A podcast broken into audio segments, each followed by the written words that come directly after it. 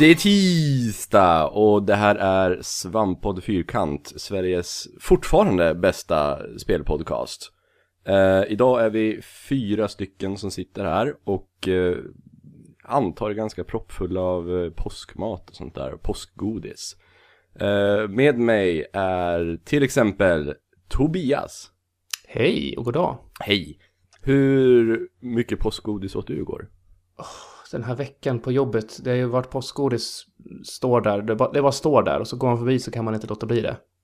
Är så, jag är lite arg, så lite arg på mig själv varje gång också. Så då, det står där och sen får typ alla på jobbet plocka? Ja, precis. Kunden också Det är- eller bara de anställda? Nej, jag, jag jobbar ju på kontoret så att eh, det här är ju mer sånt påskgodis som vi får skicka till oss av leverantörer och sånt. Så här lite så här glad påskmuter i princip. Hur hygieniskt, hur, hygien... hur hygieniskt är det att alla går och tar ur samma skål? Eh, Nej, det, det är märkligt är att när det väl kommer någon, någon sjuka så blir alla på hela avdelningen sjuka under samma vecka ungefär. Mycket märkligt. Ja, mycket märkligt. Ändå så står det så här spritpumpflaskor lite överallt. Ja. Men då kanske godiset börjar smaka sprit.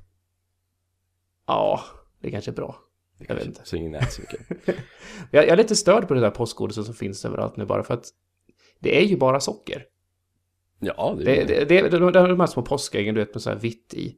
Alltså, du tuggar lite och sen så är det ju någon form av kemikalisk fruktsmak ah, de, någonstans. där, de är färgglada. Ja, precis. Ja. Men sen det är ju bara ett tjockt, tjockt, tjockt liksom så här smog med socker i munnen. Ja. Tre bitar, sen så blir man så här däst och bara magen bara nej nu, nu var det för mycket kol- kolhydrater. Eh, jag har även med mig Peter. Hello! Hej Peter. Fan alltså, jag har verkligen aldrig firat påsk. Det är typ bara för, för typ fe- fem, sex år sedan någonting sånt där så bara fick jag följa med någon till en, till en påskmiddag, en svensk påskmiddag liksom. Och jag bara, gör folk sånt här? Nej men, Ja, det, Är inte påsk en grej i Finland alltså? nej, jag tror inte det i alla fall. men vadå, är det ju såhär Jehovas vittnen eller? Nej, vi, Nej. är bara, vi, vi har aldrig firat det hemma. Och eh, jul är ju helt som vanligt liksom. Och, och midsommar och nyårsafton och alla sådana här traditioner. Men jag har aldrig varit med om Så du, påskfirande. så du har aldrig varit så här påskkärring och gått omkring till så här främlingar och fått godis av främlingar när du var barn? Gör folk det på riktigt? Men Linus, Oj, vänta, bröt jag avslöjade vi att du är den fjärde. Åh nej, det står inte alls i beskrivningen. Nej, alltså inte på, inte på iTunes och sådär. Okej, Eller- kanske inte. Ja, ja. Eh, Alltså men i alla fall, jag har ju sett kids eh, när, när jag växte upp, de gick runt och var påskkärringar och sådär. Det var kanske mer någon, men alltså det här med att det är, vi äter typ julmat igen. Plus ägg. jo fast ägg äter man ju på julen också, så det är ju liksom, det är verkligen, fast för oss är det julmat igen plus lax. All right. Så det är ju samma jävla, det är samma must också.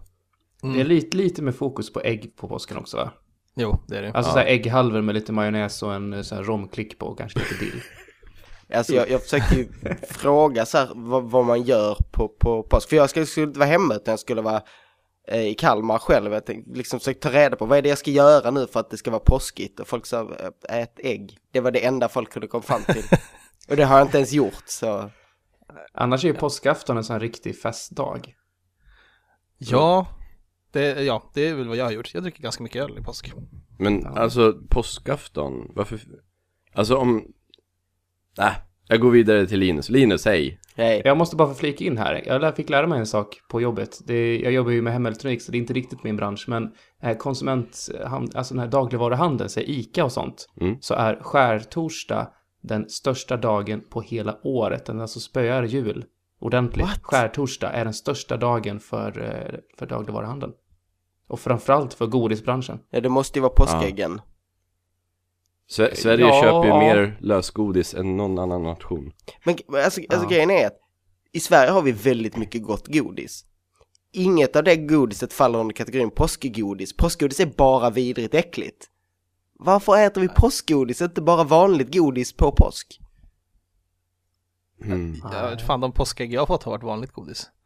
Ja visst, det kan man väl också få, men det är ju ändå alla de här, man får, får, får du aldrig så här, de här små chokladäggen ska alltid vara i och så någon jävla Ja, just det. skumgummikyckling och sånt här.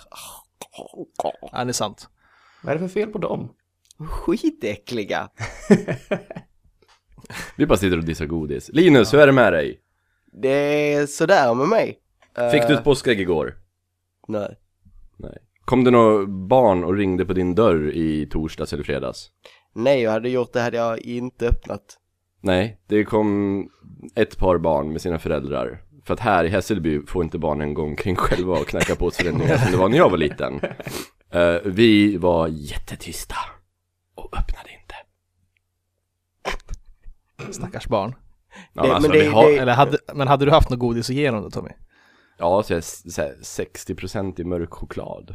Jag tror inte de hade uppskattat det. Men det är ju vårt godis. Ja, alltså jag hade, jag hade ju gett barnen en hemsk, hemsk mördarsjukdom. Det är det enda jag hade haft att erbjuda, så jag tror de var lika glada. Ja just det, du, du är ju sjuk faktiskt. Jag är väldigt sjuk. Så vi, vi får se hur vi kan eh, redigera bort dina hostar ur det här avsnittet. Mm, jag, jag kämpar hårt hela tiden för att inte hosta. Inte bara för att den ska vara med i podden, utan för att jag är jätteont att hosta. Ja, ah, just det. Det är Ja. inte kul. Har ni, har ni lidit något i fredags då? Som Anders gjorde. Som Anders gjorde. Vad gjorde Anders i fredags? Ja, jag såg i alla fall Peter och Linus i chatten. Mm. Mm. Anders fick ju äntligen bita i det sura äpplet och eh, infria sitt löfte efter att, efter att vi vann. Han fick spela Tintin i Tibet i tre timmar på ett, i en glitchad version som man inte kunde se. Alltså det visade sig att jag fick, jag hade det, jag fick tag på det i PAL-version, eller Anders hade det. Och mitt SNES är ju moddat så det kan ta både PAL och NTSC. Och eh, när jag väl körde det i PAL-läge så kunde inte mitt inspelningsprogram så att säga synka signalen så att den, den bara hoppade hela tiden. Så jag var tvungen att forsa forca det till NTSC-out istället. Och eh, då glitchar spelet. Det, det, det låter som någonting som Tobias gör. Så jag var tvungen att forsa spelet till NTSC out. Ja. Det, det är liksom, ja visst, alltså jag vet vad NTSC är, men jag vet, har ingen aning om vad du snackar om ändå. Alltså, mitt, mitt, mitt SNES kan spela amerikanska spel. Och i USA så har de en annan standard för video. Alltså det går i 60 Hz till exempel istället för 50 Hz. Det är lite annan storlek på bilden också. I, alltså i antal pixlar. Men hur forcar du? Så jag står och skriker på den eller? Ja, precis så. Så NTS är en jävel! Ja, faktiskt. Nej, men jag har mitt SNES är moddat så jag kan hålla ner reset-knappen så byter eh, lampan på mitt SNES färg. För att se vilken, vilken eh, utsignal den skickar ut. Okej, så när du, när du forcar då håller du in en knapp helt enkelt? Jag håller in i reset så att den blir, byter färg så det blir NTSC-läge och eh, då kunde jag få stabil bild. Men det är det första spelet jag st- stöter på som glitchar. Hmm. Det vill säga alltså bakgrunds eh, sprites och sånt eh, var helt fel. Men det kanske var skönt för då slapp han ju uppleva hela spelet. Ja, det var snarare så att han, han var tvungen att hoppa på osynliga plattformar och sånt ibland.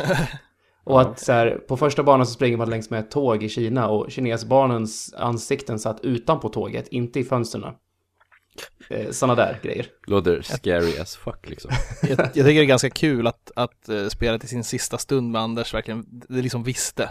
Det är ren ondska det där spelet, så det visste. Så det, det, så det kukade ur på, på ren pinkiv liksom. The, the last laugh. Det, det, det, det måste jag faktiskt kolla. Jag, bru, jag brukar inte, det ligger på, på Svamprikets Twitch va? Just nu gör det ja. Men Ja. eh, And- Anders ska klippa till och lägga upp, eh, lägga upp det. Men ja, det är ju tre timmar ren svordom, alltså svordomar alltså. Och det tog nog två timmar innan han klarade första fyra banorna och fick en kod så han kunde starta på femte banan. Jag undrar om det tog mer än två timmar. Ja, det kan det Det vara. var, det var precis på slutet han fick en kod kändes som. Men hörni, jag vet ju att vissa av oss har spelat och andra har inte spelat. Och eh, Peter, jag vet att du har spelat mest av alla den här veckan. Det stämmer bra.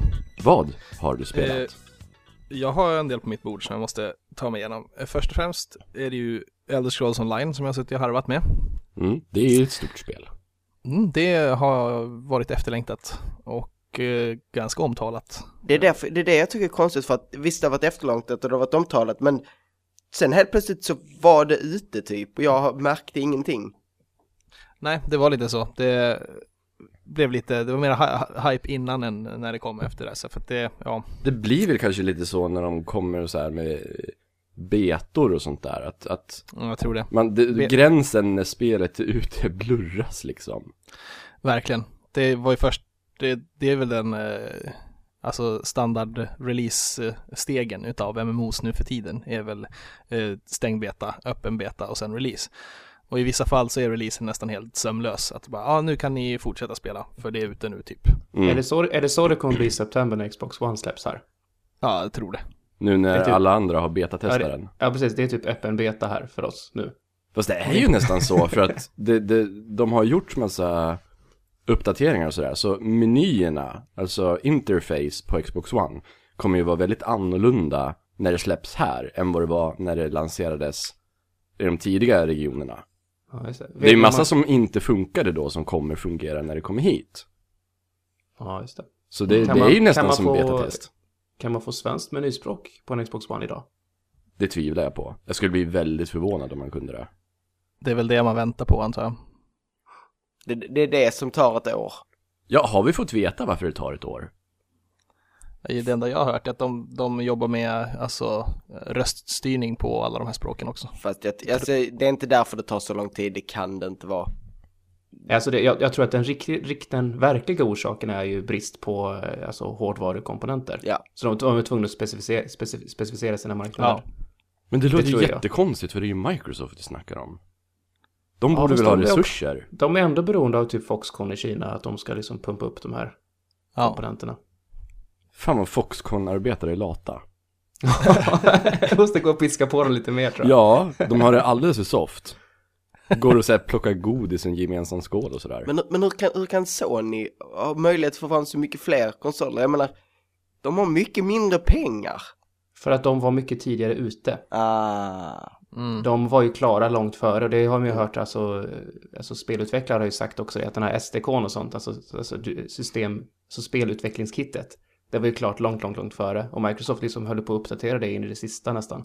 Microsoft var ju tvungna att göra massa förändringar i sista minuten också. Jag undrar om det spelade roll. Ja, då krämer de inte ur sådär 12% mer grafikkort eller sånt där, bara typ några veckor före det släpptes eller så. Ja. Så de verkade faktiskt, det stämmer när du säger att de verkar vara väldigt sent ute jämfört med Sony. Ja, precis. Och det, det, att, att, att de inte liksom har klamrat sig fast vid en fast punkt och sen liksom hållt i den har ju varit ganska definierande för hela den här Xbox One-resan så långt. Mm. Att, att, att de har liksom sprattlat omkring ganska mycket tycker jag. Mm. Uh, men uh, Peter? Jag har spelat Elder Scrolls. Ja, mm. precis. Uh, hur mycket då? jag har kommit en bit i alla fall. Jag har inte riktigt nått level capen på 50. rätt nära, men Jävlar, det känns som då måste det... du spela ganska länge. Ja, det är inte jättesvårt att levla, men sen så har man tid så jag, jag vet hur man spelar MMO-spel också, så att man, man prioriterar en viss sak. Jag har ju inte craftat särskilt mycket alls och jag har bara kört på X, rå XP liksom. Okej, okay, så det här, det här är alltså ett spel där man har nytta av att veta hur man spelar ett MMO? Eh, ja, det tycker jag. Har du grindat, har du grindat mycket för det här? Alltså har du varit ute ut och jagat björnar i skogen? Och typ Nej, alltså ibland, stycken? Eh, när, när man ser att man är, är nära Eh, man är ute och har gjort en quest och sen så ser man att vad fan jag har typ, vad kan det vara, har jag 100 mobs till level? Istället för att springa tillbaka så, ja 100 kanske lite mycket, då hade jag tjänat på att springa tillbaka kanske men Så jag brukar, om jag ändå är ute och håller på någonstans så brukar jag ja, mörda av ett gäng för att få lite extra XP Ni vet hur det är. Jo. Nu, Känns det här då, då att det är ett Elder Scrolls? Ja du, det här är ju det som är det, det roliga att Eh, jag har ju spelat alla Elder Scrolls-spel och jag är ett jättestort Elder Scrolls-fan. Eh, så det var intressant att se hur det här eh, artar sig och hur de, vilken väg de har velat ta det här. De har ju gått ganska hårt på att eh, ha en story. Liksom. Det ska vara, du har NPCs du pratar med, det är involverade plotlines och du ska rädda det stora riket liksom.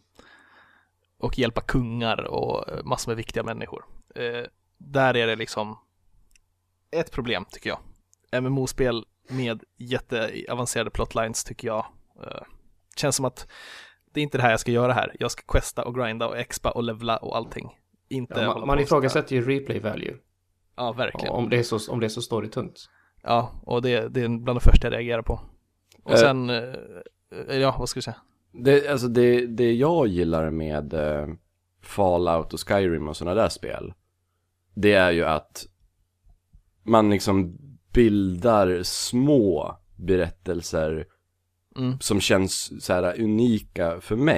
små incidenter där Precis. saker och ting liksom blir på ett sätt bara. Det är svårt att förklara, men de som har spelat vet säkert vad jag menar. Jo. det, det, det händer små incidenter som känns som att det här kan ju fan bara ha hänt mig. Exakt. Är, är det så här eller är det att det är så här väldigt, att det bara, att det som händer dig, det känns som att det här händer ju alla i den här världen Ja. också. Jag, jag skrev ju det i den här, eh, jag, jag gjorde en text om MMO-spel överlag. Och då tog jag det här exemplet när jag skulle lösa en, ett mord. Inne i, eh, man skulle in i ett hus, ett mansion av något slag och eh, leta efter beviset till det här mordet som hade hänt då. Och det känns, det känns igen från typ Skyrim och sånt där. Så in där och jag och kanske 20 till 40 spelare till letade efter samma sak. Och alla spra- studsade mellan eh, skrivbord, byrålådor och allting och bara typ, Where is item? skrek folk i chatten. Så det, är ungefär, det, är, det är ungefär som i verkligheten när någon är försvunnen så kallar man in missing peoples. Ja, typ. Och de bara, hallå, hallå, är den här, är den här, är den här? Nej, Jag vill se det avsnittet av True Detective. Where is Ja, item? precis. Det är avsnittet CSI skulle jag vilja säga. Det är så, och eh, samtidigt så ibland så poppade det upp en stackars, eh, en stackars mobb liksom som skulle vara där, typ någon sån här eh, assassin som gömde sig i huset om man skulle varit där själv.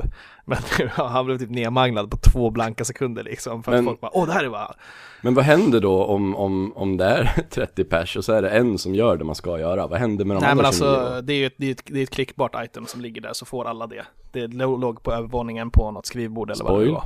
Ja, Det låg, okej, så alla får det. ja, ja. ja. Och så springer alla till nästa punkt. Ja, precis. Och, och ut dit till utanför huset, prata med någon och sen Det, vidare på det, är, som- det är som orientering i lågstadiet. Ja, ganska exakt. Alla hittar den där punkten och sen följer man till nästa. Kommer, kommer eh, nästa gång du spelar, är det, finns det någon form av randomness i det här? Nej, utan eh, det där itemet eh, är jag rätt säker på dök upp på samma ställe för alla, för det är en sån här, det är en fast punkt och det är det klickbara. Så att, Ja. Jag, jag kan ha fel där, men eh, det, det är ju någonstans i huset som den, Jag, jag, tänker, jag tänker återigen då, fyra. om, omspelningsvärdet här är ju... Nej, det känns Ja. sådär. Jag menar, jag Men menar alltså- ti- titta på och hur länge det har levt. Folk spelar ju om med oändligt antal karaktärer för att det ändå är så pass dynamiskt. Det kan Jo. ändå vara roligt och sådär, men Och är det... Är, ja. jag, jag tror att det finns andra sätt att levla på också i det här. Eh, Så, så- alltså att man inte, man kan gå- gå med i olika factions och spela på, på olika ställen när man, eh, när man börjar på en ny karaktär. Så att eh, det finns väl något replay value att testa den andra storyn sen. Men eh, hur som helst, det känns, eh, känns konstigt när man, när man spelar ett, eh, de försöker ha en single player upplevelse i en MMO-miljö. Och jag tycker inte att det funkade alls. Har du, har du hunnit smaka på andra klasser? Eh, Jag har bara spelat en klass. Det var liksom vad jag ville komma så långt som möjligt här. Ja, så då får vi se hur mycket variation det blir på, beroende på vilken Ja. klass man väljer då. då. Men jag, jag har för mig att, nu vet jag inte om jag bara har hört det här, men oavsett vilken klass man börjar med, börjar man på samma ställe. Har du sett några Det är det. kattmänniskor? Jo då, eh, jag har sett en del Khajiit och eh, massor med olika eh, alver av olika slag. Bosmer och alla de där, vad de nu heter. Ja. Grejen är den att jag har inte rullat om för att det var verkligen en lång bit man fick spela först innan man kom till själva världen i början. Och Okej. man, ja, Så där du börjar, det var det bara de som var i din klass? nej, det var alla klasser. Okej, ja då Så- kanske det inte är så jävla stor variation då då. Nej, beroende på vilken så. klass man, Som sagt, jag, vet, jag, ska säga, jag, har, jag har inte spelat om själv, men jag hade olika klasser och sånt där. Jag tror att det beror på snarare vilken faction man tillhör. Om man tillhör, eh, nu har jag glömt bort vad de heter, men det finns tre stycken olika. Typ Daggerfall Covenant och sen eh, finns det någon till, typ Black någonting, ja. Det är tre stycken olika Covenants som man är med i. Hmm. Och de eh, ska supposedly ha lite andra storylines. Hmm. Men så själva storygrejen ihop med, alltså, att jag, jag som stort Elder Scrolls-fan så tycker jag inte att det funkar särskilt bra. Alltså. Det, jag tycker att det, det är för mycket fokus på, på, på att ha ett stort storytelling-värde fast i en MMO-värld och jag tycker att det är konstigt bara. Hur funkar eh, spelmekanik i övrigt? Alltså fighting-system och sånt där? Ja, det tycker jag är helt okej. De har en, till och med en hel del bra punkter där som jag, som jag till och med gillar mer än, eh, mer än WoW till och med. Alltså för att i WoW så är det ju så att du har en, du har en eh, klass och du har eh, x antal Eh, skills du har. Du får mer och mer skills ju längre du levlar. Samma sak är sant här, men eh, till mitt förfogande har jag, jag tror det är fem hotkeys och man får inget mer. Så att eh, du kan sitta och ha 25 eh, skills, men du kan bara ha fem stycken aktiva samtidigt. Så att du kan egentligen revampa hela din eh, playstyle on the fly när man eh, håller på med questarna. Nej, det här funkar inte med att köra tvåhands och bara styrka utan nu backar jag till ett annat träd där jag har lite mera typ siphoning skills och eh, lite self heals och så vidare. Så tar man ut de skillsen och sätter dem på hotbarsen istället och spelar så. Får man, får man liksom olika sätt då? Så att man kan Ja. sätta ihop ett sätt där man är defensiv och ett sätt där man är offensiv och ett sätt där man är stealth och ett där man är healing eller sådär. Ja, exakt. Eh, I, I princip är det så. Men jag spelar ju en eh, Dragon Knight någonting och eh, har typ bara egentligen så här eld och sten och sånt, jättemycket skada och man buffar sin egen rustning så det är mycket så här tank, DPS-klass jag spelar. Lite self-heals och lite self-buffs har han, men annars är det mest skada. Byggd för att cool. brundöva. Ja, precis. Så det är ju typ brun, Brunlöv-bilden jag kört mest. Så du, kommer du, kommer du betala 100 kronor i månaden för det här nu alltså? Eh, nej, Eh, jag, all, allt som allt så har jag inte tid att spela spe- ett sånt spel och sjunka ner i det. Eh, Det har liksom inte greppat tag så, mycket heller. Och jag hade förhoppningar om det, men det, det finns så mycket i spelet som är bra så att möjligtvis att jag hoppar tillbaka. Någon så här, när det har gått en liten bit och det känns som att de har, för att det är buggigt fortfarande också. Det, folk har jätteproblem med main quests buggar vid olika tillfällen. Forumen fylls liksom med det, så att eh, om man ger det ett litet tag så kanske det blir bra. För att det har verkligen bra poänger. En av sakerna jag kändes, jag kände mig mest imponerad av, det var skalan av spelet. Alltså, man kommer in i, i staden så känns det verkligen som att wow, okej, det här är en stad. Och NPCerna som går runt, de har sitt hus kanske där eller kanske där, de kanske bor liksom i en annan del av stan för att den är verkligen enorm. När du spelar WoW och kommer in i, eh, säg Orgrimmar eller någonting då. Okej, och här ska det supposedly bo en, en, en miljon orcher. Men det är alldeles för litet. Liksom du har ett, tre, fyra hus i första området liksom. Och det, det finns inget, ingen det är snarare en representation av, av Orgrimmar. De kanske bor i kollektiv. Precis. Men medans eh, jag kom till, när det verkligen slog mig, jag kom ner till eh, hamnen i en av städerna. Och de här jävla skeppen som stod i hamnen är helt jävla massiva. Det känns verkligen som, okej, det här är ett enormt fartyg som kan segla på eh, sjöarna liksom jättelänge och eh, bära hur mycket cargo som helst. Medan den största båten i WoW är typ fem spelarlängder. Men hur, om, hur fyller de den här stora världen då, då? Känns det liksom som att det bara är så här av så här, transportsträckor eller finns det faktiskt saker att göra? Ja, det finns saker att göra och det finns, eh, det känns som att när jag red in omkring in i staden så var det liksom, här kanske någon annan håller på och questar med för att de är magiker eller något sånt där. Och liksom, spelare sprang runt lite här och där och det fanns mycket NPCer som stod och sådär så att jag tycker att skalan har de fått rätt. Det känns som, eh, ja, rätt skala för att vara en stor levande värld. Ja. Så om du hade haft mer tid, hade du gladeligen betalat 100 kronor i månaden då? Ja, och om jag inte var så, eh, hade så som beef med den här genren så Oj, Ja. Det, jag har spelat MMOs för mycket, så att det, du, du vet hur man spelar nu. ja, och eh, jag väntar fortfarande på att det ska komma något verkligen nytt och, och genomgående. Jag börjar, personligen börjar krypa mer och mer mot att jag tycker att massivdelen måste bort. Jag tycker att det är för mycket. Och, och, och när man caterar för en så stor mängd spelare på samma server så blir det, så blir det ett visst sätt som man alltid följer efter. Eh, och försöker göra det så att alla ska vara nöjda hela tiden. Så att jag tycker att ja, det skulle vara mer intressant att, att spela ett online-rollspel på en server med kanske 100 pers. Mm. Jag tänkte, jag tänkte lite grann så här, eh, nu har ju inte Destiny kommit än.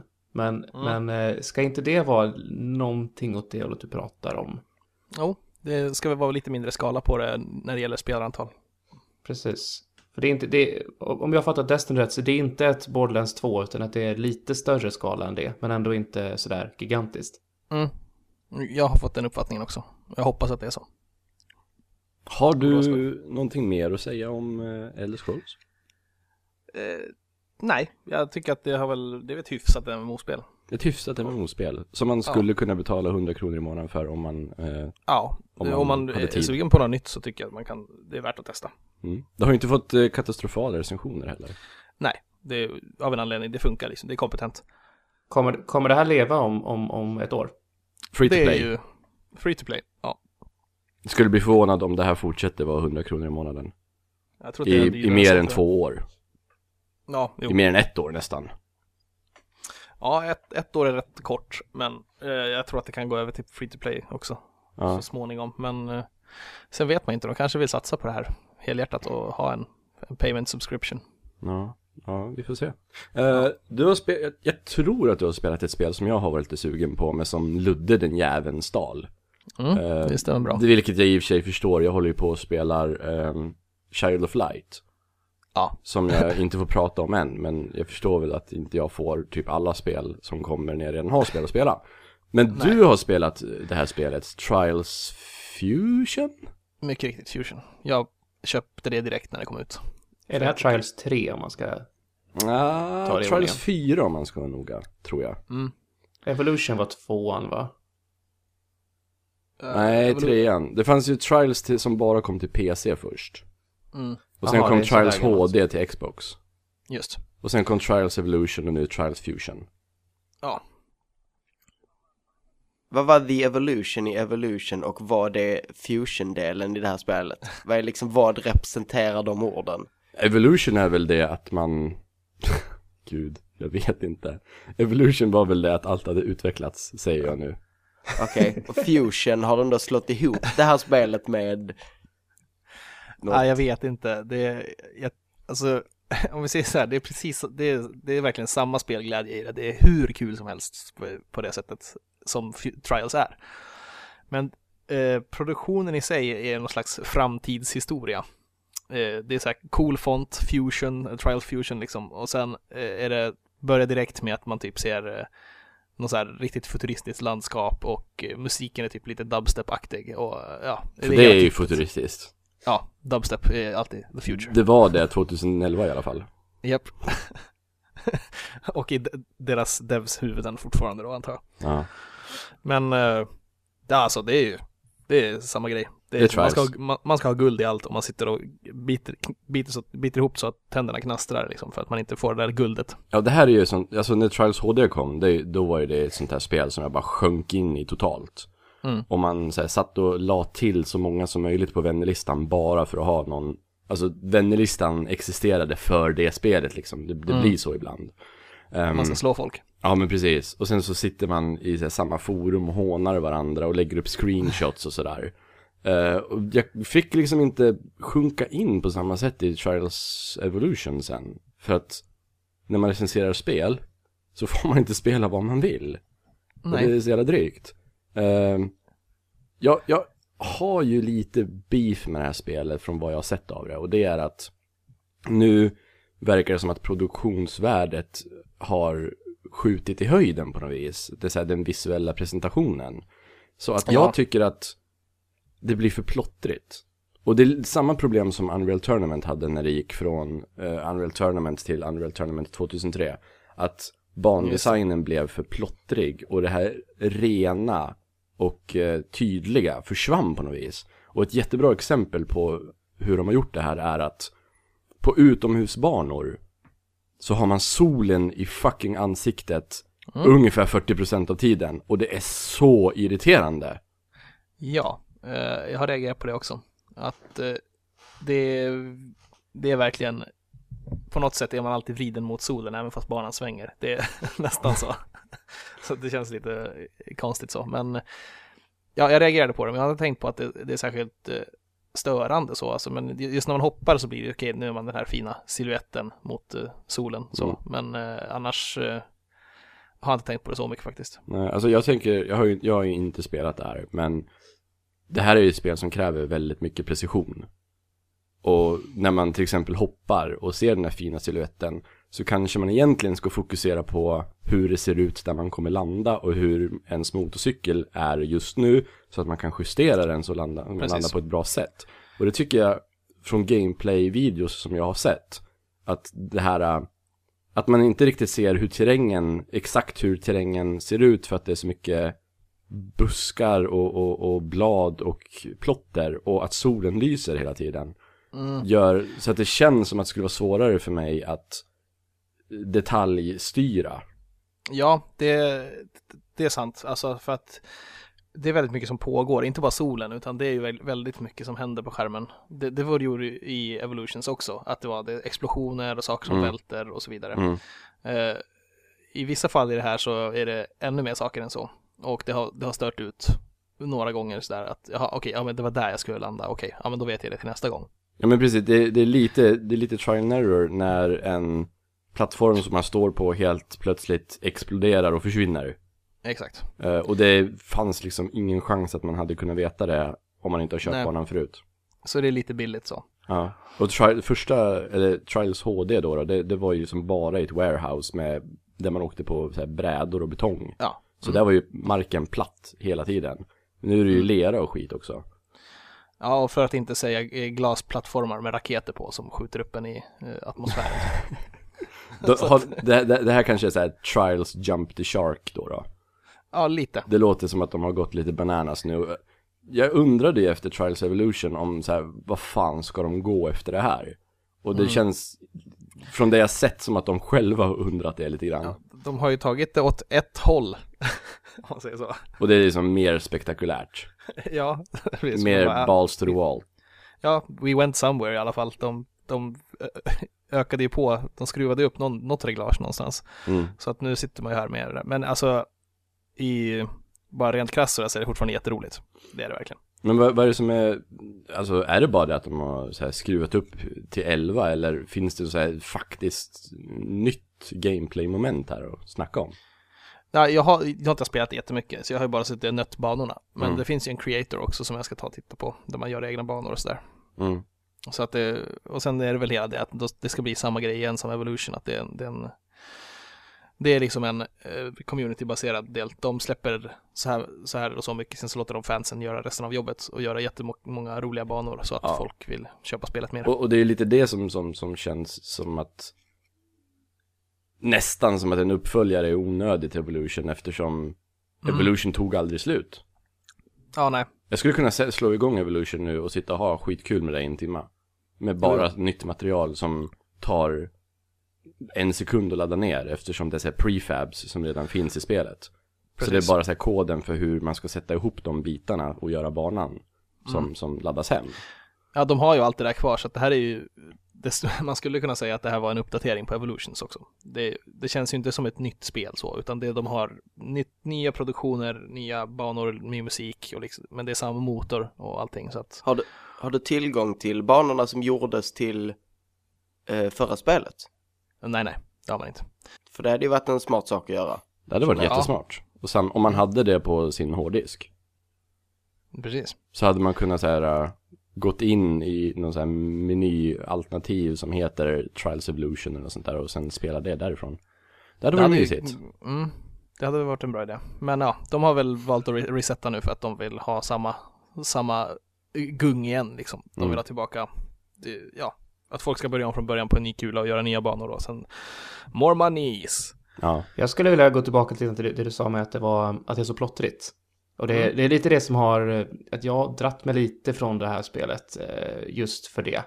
När jag var yngre, på 90-talet någonstans, så spelade jag jättemycket Action Supercross. Och sen uppföljaren till det Elastomania. Vilket någonstans ja, är, typ, ah. det är typ spirituell eh, föregångare till Trial-serien ja, är det ju. Och, och, eh, det var ju så otroligt rent, det var snarare att det var skitfult snarare. Ja, eh, att det var ju, det, det är lite grann som att spela med streckgubbar nästan. Att det, det, är så rent och det är bara, bara gameplay och fysiken i, i fokus. Mm. Mm. Och, och ska jag bli störd av att jag får solen i ansiktet och sånt där, det, det, det är fel typ av svårighetsgrad tycker jag. Absolut. Det låter som det i alla fall. Ja, alltså, jag tycker inte att det gjorde det så svårt. Alltså, det är en, en grej så man kanske tittar på någonting som händer på skärmen och så missar man något. Mm. Men eh, mer än så så är det inte mer än cheap death liksom. Det, är, det, det, är mycket just den här renheten som jag uppskattar till exempel i Super Meat Boy. Ja. Att du, det, det, är så tydligt vad det är precis vad som händer. Ja, det eh. finns absolut en, en poäng i, i, att ha det clean och snyggt så. För att det är den typen av spel. Men jag, alltså, ja, jag köper det väl nu, men jag, nu har jag återigen inte spelat längre än, än tre banor, alltså inte tre banor, men tre set av banor. Så att, uh, får se hur det fortsätter. Jag kan tänka mig i och för sig att de, de fortsätter bomba på ännu mer med effekterna eftersom man kommer längre in i spelet så hamnar man väl till slut långt upp i rymden någonstans. Men Mm. Och sen får man väl hoppas att när man kommer till de här äh, väldigt så här äh, långsamma krypa upp för en 85 graders uppförsbacke. Att, Mm. att man liksom kanske tar det lite lugnare med effekterna då. Jo. För att de banorna är helt jävla hopplösa. Jag, jag hoppade över dem, jag orkar inte. Ja, nej, det, det är också så här klassisk eh, trials eh, svårighetsgrad. Att man ökar det med, och nu ska du klättra i, jag vet inte hur länge. Men eh, om, man, om, man, om man gillar trials så kommer man inte att gilla det här. Nej, absolut inte. Jag, jag tyckte det, det var lätt att plocka upp. Det var liksom samma sak igen. Det var bara att tuta och köra och det, det är jättekul oftast. Nu vet inte jag om det är någon som har spelat något mer. Peter, du har spelat tredje spel. Men, Ja, jag har ju spelat eh, Towerfall Ascension jag också. ja eh, precis. Är det någon annan här som har gjort det? Eh, nej, jag, jag, och Anders har ju här, ja, vi, vi, vi pratar oss om, om oss som ett par nästan här, men vi har ju, vi har ju fått en kod till, eh, till det, men vi har ju bara en kontroll, så att vi Ja, just använder det. aldrig. Just, just Det det, det- det är, jag har ju sett Jag har ju sett folk typ lägga ut så här kontaktannonser Ja. Om, om få andra folk i närheten med handkontroller Ja, det, är bara, det, är bara, det är bara lokal multiplayer i det här, så Jag la ut en sån på Facebook nu och jag har fått ihop lite folk. Det var därför jag fick eran kod också Tobbe. Din just Anders kod. Det är den det. som jag fick nyligen här. Så Okej. nu ska jag ha, nä, nästa helg ska jag ha en liten, liten spelgrej. Som jag tänkte streama live också kanske. Du har inte hunnit spela än eller? Jo, jo, jo. Eh, Jag, vi, vi fick ju, jag stack och testade det med ett gäng andra spelskribenter också. På en grej på, hos eh, Sonys PR-organ Hero Kommunikation. De hade en sån liten turnering och en liten spelträff så. Okej, Där spelade vi det. Det var skitroligt. det var Det är skitroligt verkligen, det är verkligen asroligt, skulle jag säga snarare. Det var liksom direkt efter det jag bara, okej, eh, ska jag lägga 1500 spänn på, på fyra, eh, tre kontroller till till PS4? Bara för det här spelet? Det är nästan så. för det är dyrt med kontroller alltså. Ja, det är svindyrt. Eller ja, det är inte Ja. det. Det är, det är 599 styck så vitt jag vet. Så Om det är ju man- snarare 1800. Om man köper en eh, Wii U Så kan man ju Mm. faktiskt använda de gamla kontrollerna fortfarande Just det. Go Nintendo! Wow. Mm. Ja, för Nintendo är så duktiga på att inte bara prångla ut en massa ny hårdvara man måste köpa. De är väldigt snälla med det. Nej, man måste inte köpa Nej, nej, men hur många olika handkontroller finns det man kan använda till en Wii U? Det är bra om alla funkar Ja, jo, visserligen. Men varför kan inte jag få använda min DualShock 3 till min PS4? Ja men Äh. faktiskt, vad, vad, Varför? exakt vad det är som behövs Alltså rent, rent tekniskt så är det inget, det, det är blåtand liksom. Hallå? Ja. Det är ju det är bara att synka upp, men de, de vill ju inte att man ska kunna göra det. Nej.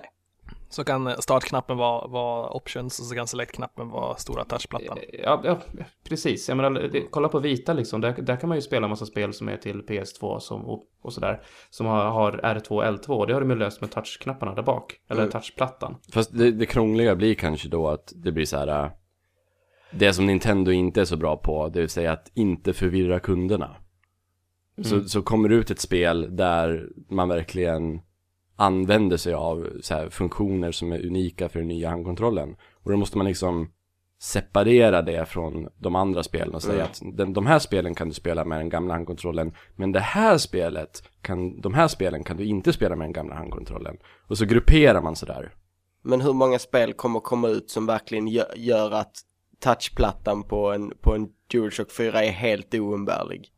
Ja, det, det, det är ju frågan. Och om jag känner utvecklare rätt så brukar de ju hålla sig borta från sånt där kreativt. Jag har inte träffat ett enda spel hittills där det känns som att den är nödvändig. Den används som, som knapp, eller ibland är den två knappar, man trycker vänster och höger så är det så. I Trials till exempel så är det starta om banan när du trycker på vänster sida. Och trycker du på höger sida så är det options. Och det är ju ingenting som inte skulle kunna gå att lösa på annat sätt. Nej, Tror, tror ni att vi kommer se någon form av RTS-försök igen? Med den där, med den som är typ en mus-simulering? var det som Ruse eller? Oh shit, jag, jag, jag testade Rose med, med röstkommandon. Det var, vi hade riktigt roligt med det faktiskt. Nej, alltså jag, jag har svårt att se att de skulle göra något sånt faktiskt. Jag har, har, ni, har ni spelat AC4 på PS4? Nej. Nej, eh, där kan man ju styra kartan på musplattan. Alltså typ flytta runt. Det är verkligen svindåligt. Alltså touchkontrollen där är, det känns som att man är på en mus från 1980-talet liksom. Kommer, kommer den där touchplattan bli ungefär som Six Axis? Ja, Eh, alltså, alltså. Det- menar, säg ett enda spel där, där den används sen typ Ja. 2010. Men är inte, det lite, är inte detta lite Sonys grej? De ser något någon annan gör och så half-assar de det så in i helvete. Mm. Alltså, eller, eller så här baksidan, baksidan på vitan. Alltså Ja. hur många spel använder den på riktigt? Mm. Ja, du. Det är konstigt att de lägger ner pengar på sånt där. När, när, när det sällan används. Ja, Mm. Just, just nu känns ju touchplattan som en stor fet gimmick. Men om de lyckas öka om de lyckas öka DPI'n på den så att den blir lite mer känslig, eller, eller om bara AC4 var dålig på att ta emot responsen från plattan kanske. Men där tyckte jag det var helt horribelt alltså. Men det har känts som en utveckling ända sedan när man säger så här, eh, Wii kom och släppte liksom, då kom Vift, Nintendo med sin viftkontroll. Och så gjorde Microsoft eh, Kinect som ändå liksom var deras egen grej på något sätt.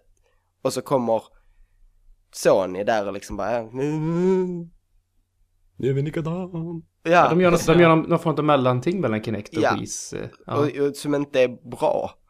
Helt enkelt. Nu vet jag inte om Kinect var skitbra, men det var ändå i grunden en bättre idé. Sålde ju bättre i alla fall. Mm. Ja. Men vad jag fattar det som så är Move faktiskt ganska bra. Det fungerar bra. Men det är Ja. inte så många spel som stödjer det. Det är ju, alltså Move skulle jag ju säga så här objektivt är den bästa tekniken. Eh, jag har, Wii Motion Plus steppade ju upp Wii-tekniken ganska rejält. Ja, det blev ja. ju liksom 1-1 på ett annat sätt då.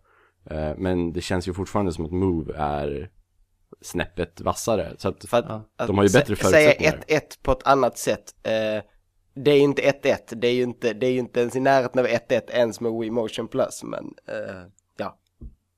Det är, bra, mycket- det är bra mycket bättre än Kinect som har rätt mycket delay. Mm, det är ju. Jag vill testa nya Kinect, jag är skitsugen på det faktiskt. inte jag. Jag vill testa Xbox One överlag. Ja, Jag jo. har hållit i en kontroll. Men jag har hört jättemycket bra om, eh, om nya Kinecten. Om hur den funkar rent tekniskt och så här. Nu har vi, nu har vi snurrat iväg. Ja, På, jättemycket. ta, på tal om att spela spel med många, med många, med, med fyra stycken samtidigt. Som man kan göra i, i Towerfall. Ja, igår så hade jag lite kompisar över och så skulle vi spela någonting och jag hade lånat lite kontroller av Anders. Så att vi skulle spela fyra på PS, PS3. Men det blev så här Playstation All-Star Battle Royale Fighting, vad- vad det nu heter. Även ett exempel på när Sony stjäl och half-assar. Ja, faktiskt. Nej, men poängen, är, poängen är, har ni några bra tips på fyr, fyrspelarspel? Mario Kart. På, på Sonys plattform? Nej, alltså vill man, du menar så här, sitta och spela i soffan, fyra stycken? ja, ja. För då Soft- är det ju en Wii U. eller mot varandra. Då är det en Wii U du ska köpa. Ja, jag, jo, ja. alltså cross-tecken, det, det är fan roligt på fyra. På, Street Fighter cross- cross-tecken. Kan man vara fyra på det? Ja visst, du har varsin gubbe i teamet, så ta- tag, taggar man in sin polare. Jaha. Så det är typ en, en, en mot en i omgångar. Ja, precis. Fast Ja. man taggar väl in rätt så, det är väl Ja, man taggar in byten rätt ofta. Ja, eh, dör en så är matchen slut. Så. Ja, jo, Och om man byter i alla långa kombos så är det byten och sånt där. Så. ja, sen kan man väl typ göra en grej av att tagga som en del av så här, kedjor. Ja, precis. Alltså du har ju launchknappar och sånt där. Ja. Du gör en kombo så launchar du med sista slaget och så kommer den andra in Så det gäller, det gäller, det, sit- det är inte som så att man sitter och väntar på att få spelet, utan man måste ju hänga med hela tiden. Ja, ja, ja, visst. Jo, Sen är inte det alls lika mycket party heller som... eh, Nej, eh, som de här. det är sant. Men just det, Tobias gillar ju inte party. Nej, nej men det, det nej, nej, jag, jag sökte snarare party. Okej. Eh, nu. Eh, för att, för att eh, de, de som jag spelar med är inte gamers. Så jag ville ha något enkelt bara och... Och jag menar, Sony Smash Bros kopia är väldigt simpel. Alla förstår den väldigt snabbt. Eh, Mm. kan, kan man vara fyra i Little Big Planet? Ja, Det kan man. man. Ja, för att då finns det, det finns vissa sorters banor där om du går ut och letar upp som är asroliga att spela några stycken som bara är så här jättedumma. Eh, framförallt den typ av bana där du du befinner dig, alltså för att du, när du bygger en bana får du bygga i en stor jävla låda. Eh, och då har de fyllt upp den lådan nästan hela vägen upp med block. Och sen droppar de eh, sprängmedel ovanifrån och så ska du liksom försöka ta dig hela vägen ner till botten utan att sprängas. Asroligt att spela några stycken. Sånt där låter jättekul, men det, det är också så här, då ska man ha spelat spelet och veta vart man hittar de banorna. Ja, i och för sig. Jag skulle vilja slänga upp någon sån här typ Mario Party eller något liknande liksom. Det, det det? saknas sådana spel tycker jag till, Ja, till de andra, konsolerna. Att det, De är så seriösa, de, Ja, de konsolerna. ja, alltså, alltså- de vågar inte barsla till det riktigt. det är skitkul att bara sitta och soff-spela med tre andra personer. Det är alldeles för lite sånt eh, sen så här online steppade in i, i konsolvärlden. Mm, Det är Sant. Fler, mer split screen eller share screen. Jag har ju väldigt svårt för Mario Party efter, jag har bara spelat första. Eh, och fan vad jag hatade mina vänner efter det. vi, vi, jag hatade dem. Det var hemskt. Det, det, det är ju en, en, en vänskaps... Alltså det är ju sån här... Det är ju så att när man spelar Mario Party och när man spelar Nintendo Land eller när man spelar Mario Kart med vänner i soffan. Alltså man kan ju verkligen inte bry sig om vem som vinner. Alltså, blir inte Mario Party jävligt competitive väldigt fort? Jo, det blir ju det, men Och, och, det, och, och det jobbiga med det är ju att det är så mycket random. Mm. Det, är- det är slump. ja, och det, det, det är ju därför som, alltså man ska ju inte spela det för att vinna. Man ska, man ska ju spela det för att ha kul, och det är det som är det svåra. Där tycker jag WarioWare är, det är bland mina favoriter till Wii. Ja, där, där just är det mycket lättare att, att, att eh, bara ha kul. Mm. För där är det liksom Ja, det, så är, det, löjligt. det är så löjligt och hysteriskt. Men det är så jobbigt när en person, den personen som vinner, om den personen börjar vara kaxig, även om det bara är tur. Det är så sjukligt provocerande. Ja, ja. För det, det är provocerande när alla vet att, att den som vinner förtjänar inte att vinna. Herregud, man kan ju vinna av att, alltså Mario Party till exempel. eh, I slutet av spelet så delar man ju ut ett gäng med fucking extra stjärnor. Och då ger de ju stjärnor till den som typ, ja, har förlorat eh, flest minispel till exempel. Ja, här får du en stjärna. Så man kan liksom vinna på att suga. Så det är så jävla dumt att, att ha, ta någon ära i att faktiskt vinna. Det är så korkat. Så det är jätteprovocerande när någon tror att de har förtjänat att vinna. Jo, det är sant. Men, eh, ja, det är kul om, om alla är oseriösa. Ja, det krävs Ja. nästan. Eh, nu ska vi se här, Linus, hade du spelat någonting som du vill prata om? Jag har spelat ett, ehm, en preview till ett spel som heter, ett indiespel som heter eh, City of Colors The Last Tinker. Nej, tvärtom. The Last Tinker City of Colors heter det. Det är The. City of Tinker, Last Colors tänkte jag. Ehm, och i sig är det väl inte jättemycket att, att prata om. Det det är ett så här ganska klassiskt 3D-plattformsspel i en väldigt färgglad värld. Oh, sådär uh, 90-tals 3D-plattformsspel? Ja, eller? precis. Det enda som är jättekonstigt är att man inte hoppar själv utan man bara trycker på en knapp så hoppar han över plattformar. Ja, skitsamma. Uh, jag fick en sån himla... Jag känner mig så hemma i det helt plötsligt. För jag, det var ju den typen av spel som jag växte upp med, så att säga. Ja, du, du kom väl kanske i slutet av den uh, äroperioden? Jag, jag, jag spelar ju på Play, Playstation 2 mest och där var ju liksom på något vis en high point för 3D plattformsspel i lite här halvöppna färgglada världar. Jaha, okej. Ja, Ska, vi- ska vi bara ignorera Rare på Nintendo 64 då alltså? visst alltså de började men high point var fortfarande Playstation 2. Ja, okej. Jag, jag har faktiskt inte spelat dem så att... Det, Det var den gyllene eran. Du, du snackar Jack and Daxter nu va? Ja, och Sly och Ratchet and Clank. Det var ju de tre serierna som jag skulle säga var den gyllene eran för den typen av spel. Okej. Ja. jag sitter här och blir lite provocerad ja. Ja, Men kom inte dragandes med... Jävla... Banjo Kazooie, Ja, okej. Mario 64, Ja, okej. Donkey Kong 64. Ja, problemet där är ju den där jävla 64an. Alltså visst, de, de kom där och så, oh, men de är inte bra längre. Nej, alltså, De var inte ens bra när Playstation 2 kom. jag, jag kan ju faktiskt skriva under på att jag spelade ju Banjo Tooie och det är inte bra längre. Jag spelade Slide det 2, här om, Slide 2 är fortfarande bra. Ja, jo, alltså jag kan ju se att, att, att, att de är lite närmare modern speldesign än vad Rare var eh, under mitten och slutet av 90-talet. Fast, fast oavsett, det var ju liksom hela den eran, hela från, alltså från tidig 3D och fram till Playstation, eller alltså först, från de första 3D-konsolerna till Playstation 2 var ju den eran när det 3D-plattformandet fanns. Efter det har det inte, alltså det visst, Nintendo har fortsatt med Mario men och så har det kommit några så här, uppföljare på de gamla serierna men den genren har ju inte alls haft samma liv efter det. Nej, alltså och även Marios äventyr har ju varit mycket mer linjära än de här uh, open world 3D-plattformarna där man Mm. ska Förutom Ja. Galaxy då. Ja men det är, alltså jag tycker Det är att det är ganska fortfarande linjärt det också. Du- Alltså det, Ja, det är väldigt ja, mycket det banor. stämmer i och för sig. Det stämmer i och för sig. Jag menar, tittar du på Mario 64 så var det ju faktiskt, eh, faktiskt ganska open world. Ja, och det är mindre av det här uh, samla samla prylar för att öppna nästa värld. Alltså det är ju det att man måste ju ha så och så många stjärnor Ja. för att öppna nästa värld. Men Eh, Linus, är- Linus, jag tycker för övrigt att Ratchet and Clanks, eh, alltså Future-trilogin till PS3 är faktiskt riktigt bra. Ja, jag har hört det och jag tror det. Jag, tror de är bra. Jag vet att eh, Sly 4 var också bra. Men det är, jag vill ha fler nya serier det. Jag vill att den genren verkligen ska få en liksom en, en uppsving igen. För när jag spelade det här spelet så, alltså, det var inte så himla extraordinärt eller så, men när jag spelade så, så liksom var, kände jag mig så svältfödd på det. Har militärskjutaren dödat den här genren?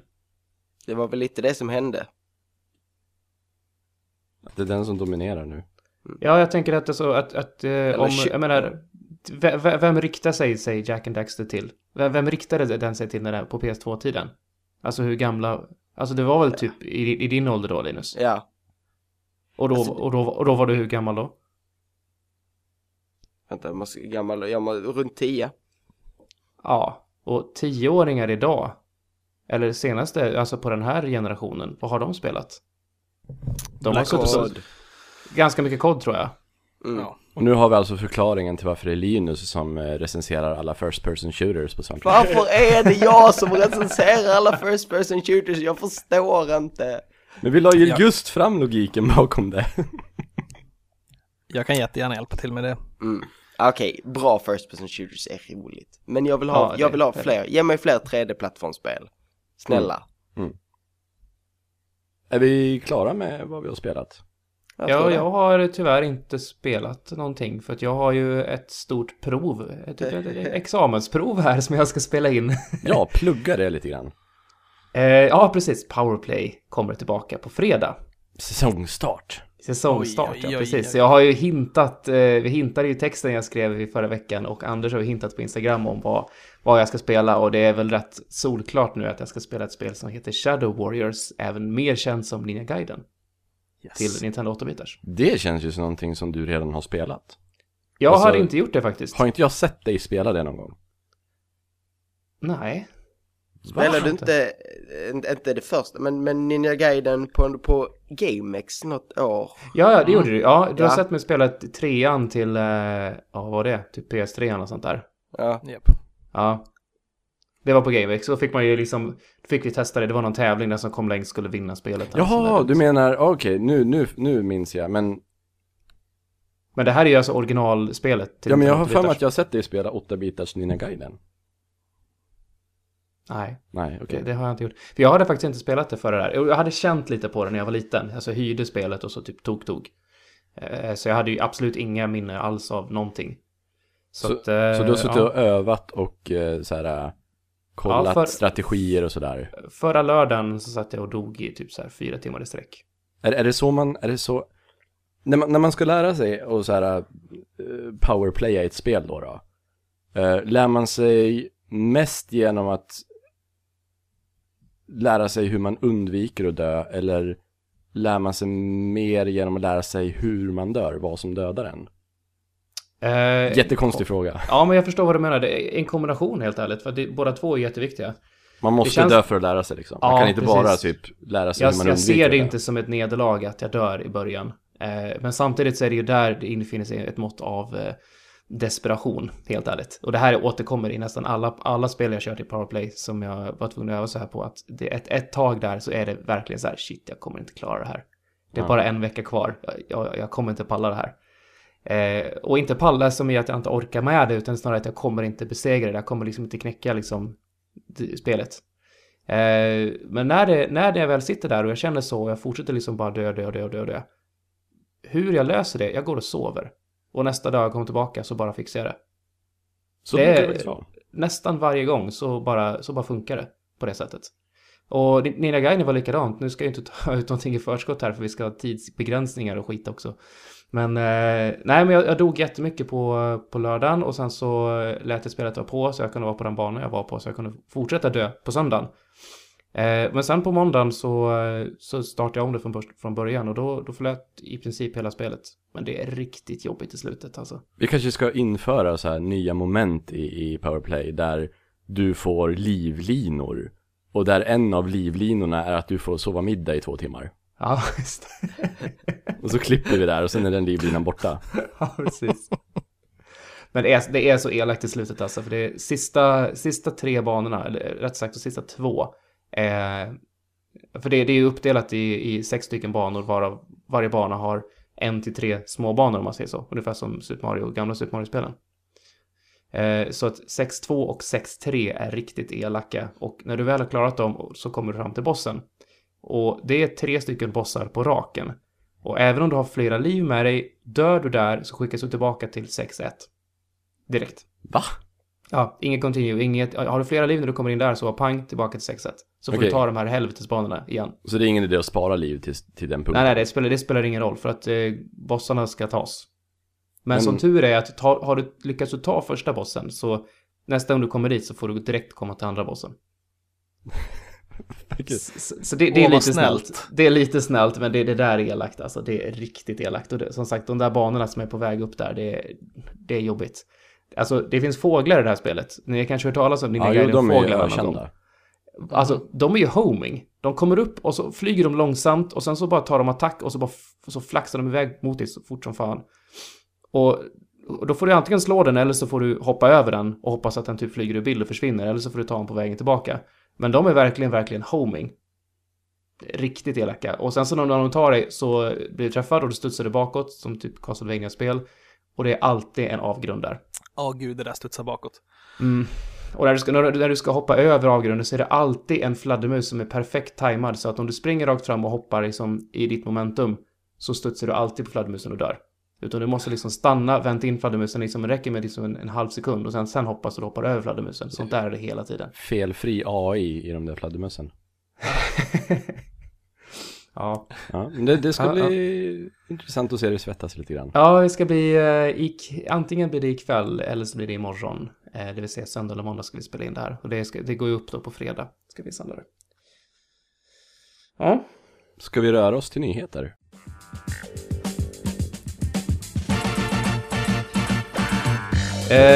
Jag hittade ingen så här jätte, jätte intressant nyhet den här veckan, så jag tog två stycken lite mindre intressanta helt enkelt. Så kanske man slår ihop eh, intressenivån. Och Ja, så blir det någonting som är värt att lyssna på. ja det, var, det var så jag tänkte. Får Se, om det, se om, det, om det håller då, hela vägen. vad, är det, vad är det för två lagom intressanta först, nyheter ut är, först ut har vi Oculus Rift. Och eh, Oculus Rift har ju ganska nyligen eh, utannonserat sitt eh, Developer Kit 2.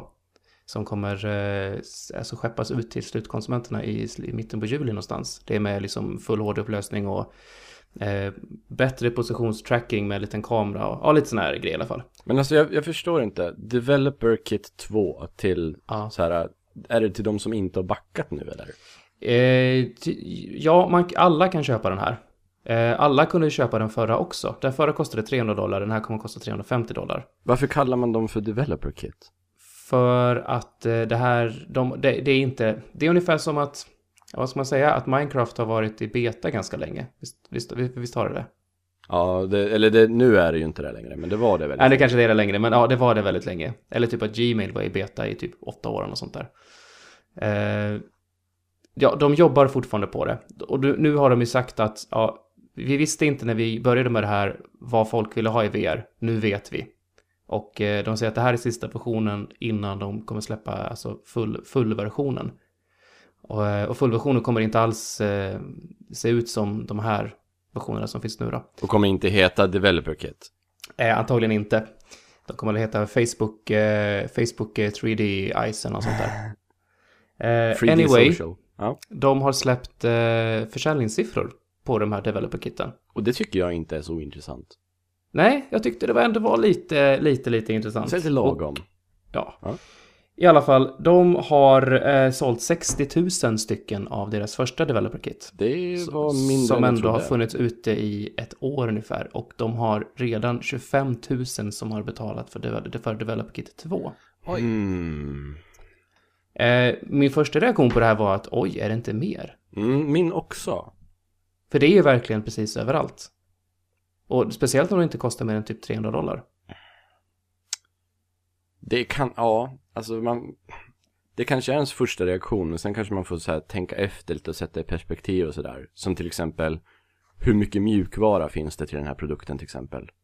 Ja, det, det, är ju- du, du behöver ju vara lite kunnig för att pilla med det här. Ja. Eh, ja. Jag, tror, jag tror att i, i de, de flesta av de här som har sålts är ju till slut konsumenter som sitter och spelar ja, gamla spel som får Oculus Rift eh, alltså stöd och alltså, och håller bara på att mecka runt med det. Jag tror inte det är att, jag tror ju faktiskt inte, och det är tyvärr, att majoriteten av de här är utvecklare som sitter och faktiskt gör grejer med dem. Nej, nej.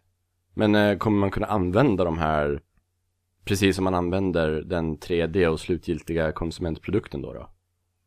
Det lär man ju kunna göra, för man kan ju inte använda de här förbättrade funktionerna som kommer då. Det är ungefär Nej. som att man kan använda det första developer-kitet i, även i det nya då. Det är bara att det är sämre upplösning och vissa funktioner stöds inte och sådär. Ja, så det, det är ju lite konstig målgrupp som köper de här för att det antingen är det en målgrupp som är, värd, som är villig att betala 650 dollar för den slutgiltiga upplevelsen och bara ta de här 300 dollarna nu då för att få lite smakprov. Eller så är det en som är tillräckligt hängiven för att spendera 300 dollar på en otestad produkt men inte tillräckligt hängiven, som i, inte tänker köpa den så här 3D och slutgiltiga sen för att de liksom inte bryr sig. Så jag vet inte riktigt, det kanske inte är så jäkla låga siffror ändå. Kanske inte. Jag tänker också att om det var så att det här bara var till developers så hade de nog prissatt den här högre. Alltså det här, jag, som jag ser det som, den här är prissatt för att de vill sälja den. Ja, För annars, jag menar, så här, developer-grejer brukar, ja, jag skulle inte bli förvånad om den skulle kosta så här 10 000 dollar eller något sånt där. ja alltså här, får ni, här får ni utveckla på liksom. Det är, liksom, det är en investering. är ju jävligt dyra. Alltså Precis. debugkonsoler har, De kostar ju tiotusentals debugkonsoler har också en större, alltså det är ju större studio som är intresserad av det. Alltså, du, Ja, och Oculus Riften måste ju i större grad förlita sig på små indieutvecklare. Mm. Ja, det är nog sant. De har ju inte råd att belägga de här eh, andra utvecklingskostnaderna som Nej. större grejer har. man kommer alltså an- kunna använda de här som är ute nu då till att här, göra egen mjukvara. Ja, absolut. Men det, kommer finns man ju- inte kunna med, med den slutgiltiga konsumentprodukten sen. Vet inte faktiskt. Men alltså redan idag så finns det ju, ja du har ju Unity och typ Unre- Unreal Engine och sådana där spelmotorer. Det finns ju alltså SDK-kit att hämta på Oculus Rifts hemsida. Som redan är klar och färdig för dem så du kan sätta igång och utveckla. Praktiskt. Så det, de har ju verkligen lagt mycket tid på, eller liksom mycket krut på att göra det här utvecklarvänligt. Men du säger alltså att den här kostar 300 dollar och sen den tredje kommer kosta 350? Nej, den här kostar 350. Den Ah. första kostade 300 dollar. Eh, jag vet inte, du sa 650, 600 dollar eller vad du Jag, sa? jag tänkte 650 dollar om man köper först den underlägsna versionen och sen den slutgiltiga versionen. Ja, just det. Jag, jag har ingen aning vad, eh, så att säga, retail-versionen kommer att kosta. För jag blir- 1.0 eller vad den kommer att För jag kallas. blir nästan förvånad om den är dyrare än 300 dollar. Ja, jag med. Det känns som att de borde, eh, så att säga, trycka upp fler exemplar av den, liksom tillverka fler ex och då också få ner kostnaderna för det. Precis, och speciellt nu när de har Facebook i ryggen. Ja, verkligen. Så borde de ju kunna, alltså det är egentligen, så länge de, så länge de bibehåller något slags fokus på spel, vilket faktiskt är anledningen till varför folk bestämde sig för att stötta det här och inte att kunna så här, säga grattis till mormor i, i, i, i virtual reality. Alltså, eh, angående det, så som jag har förstått det, eh, så är köpet, alltså att, att Facebook har köpt in sig i det handlar inte så mycket om tekniken utan mer om alltså ekonomiska skäl. Så jag tror inte att, jag tror inte de är så intresserade av att göra en jätte Ja, de ser det som en investering. Jag, mer. jag tror det.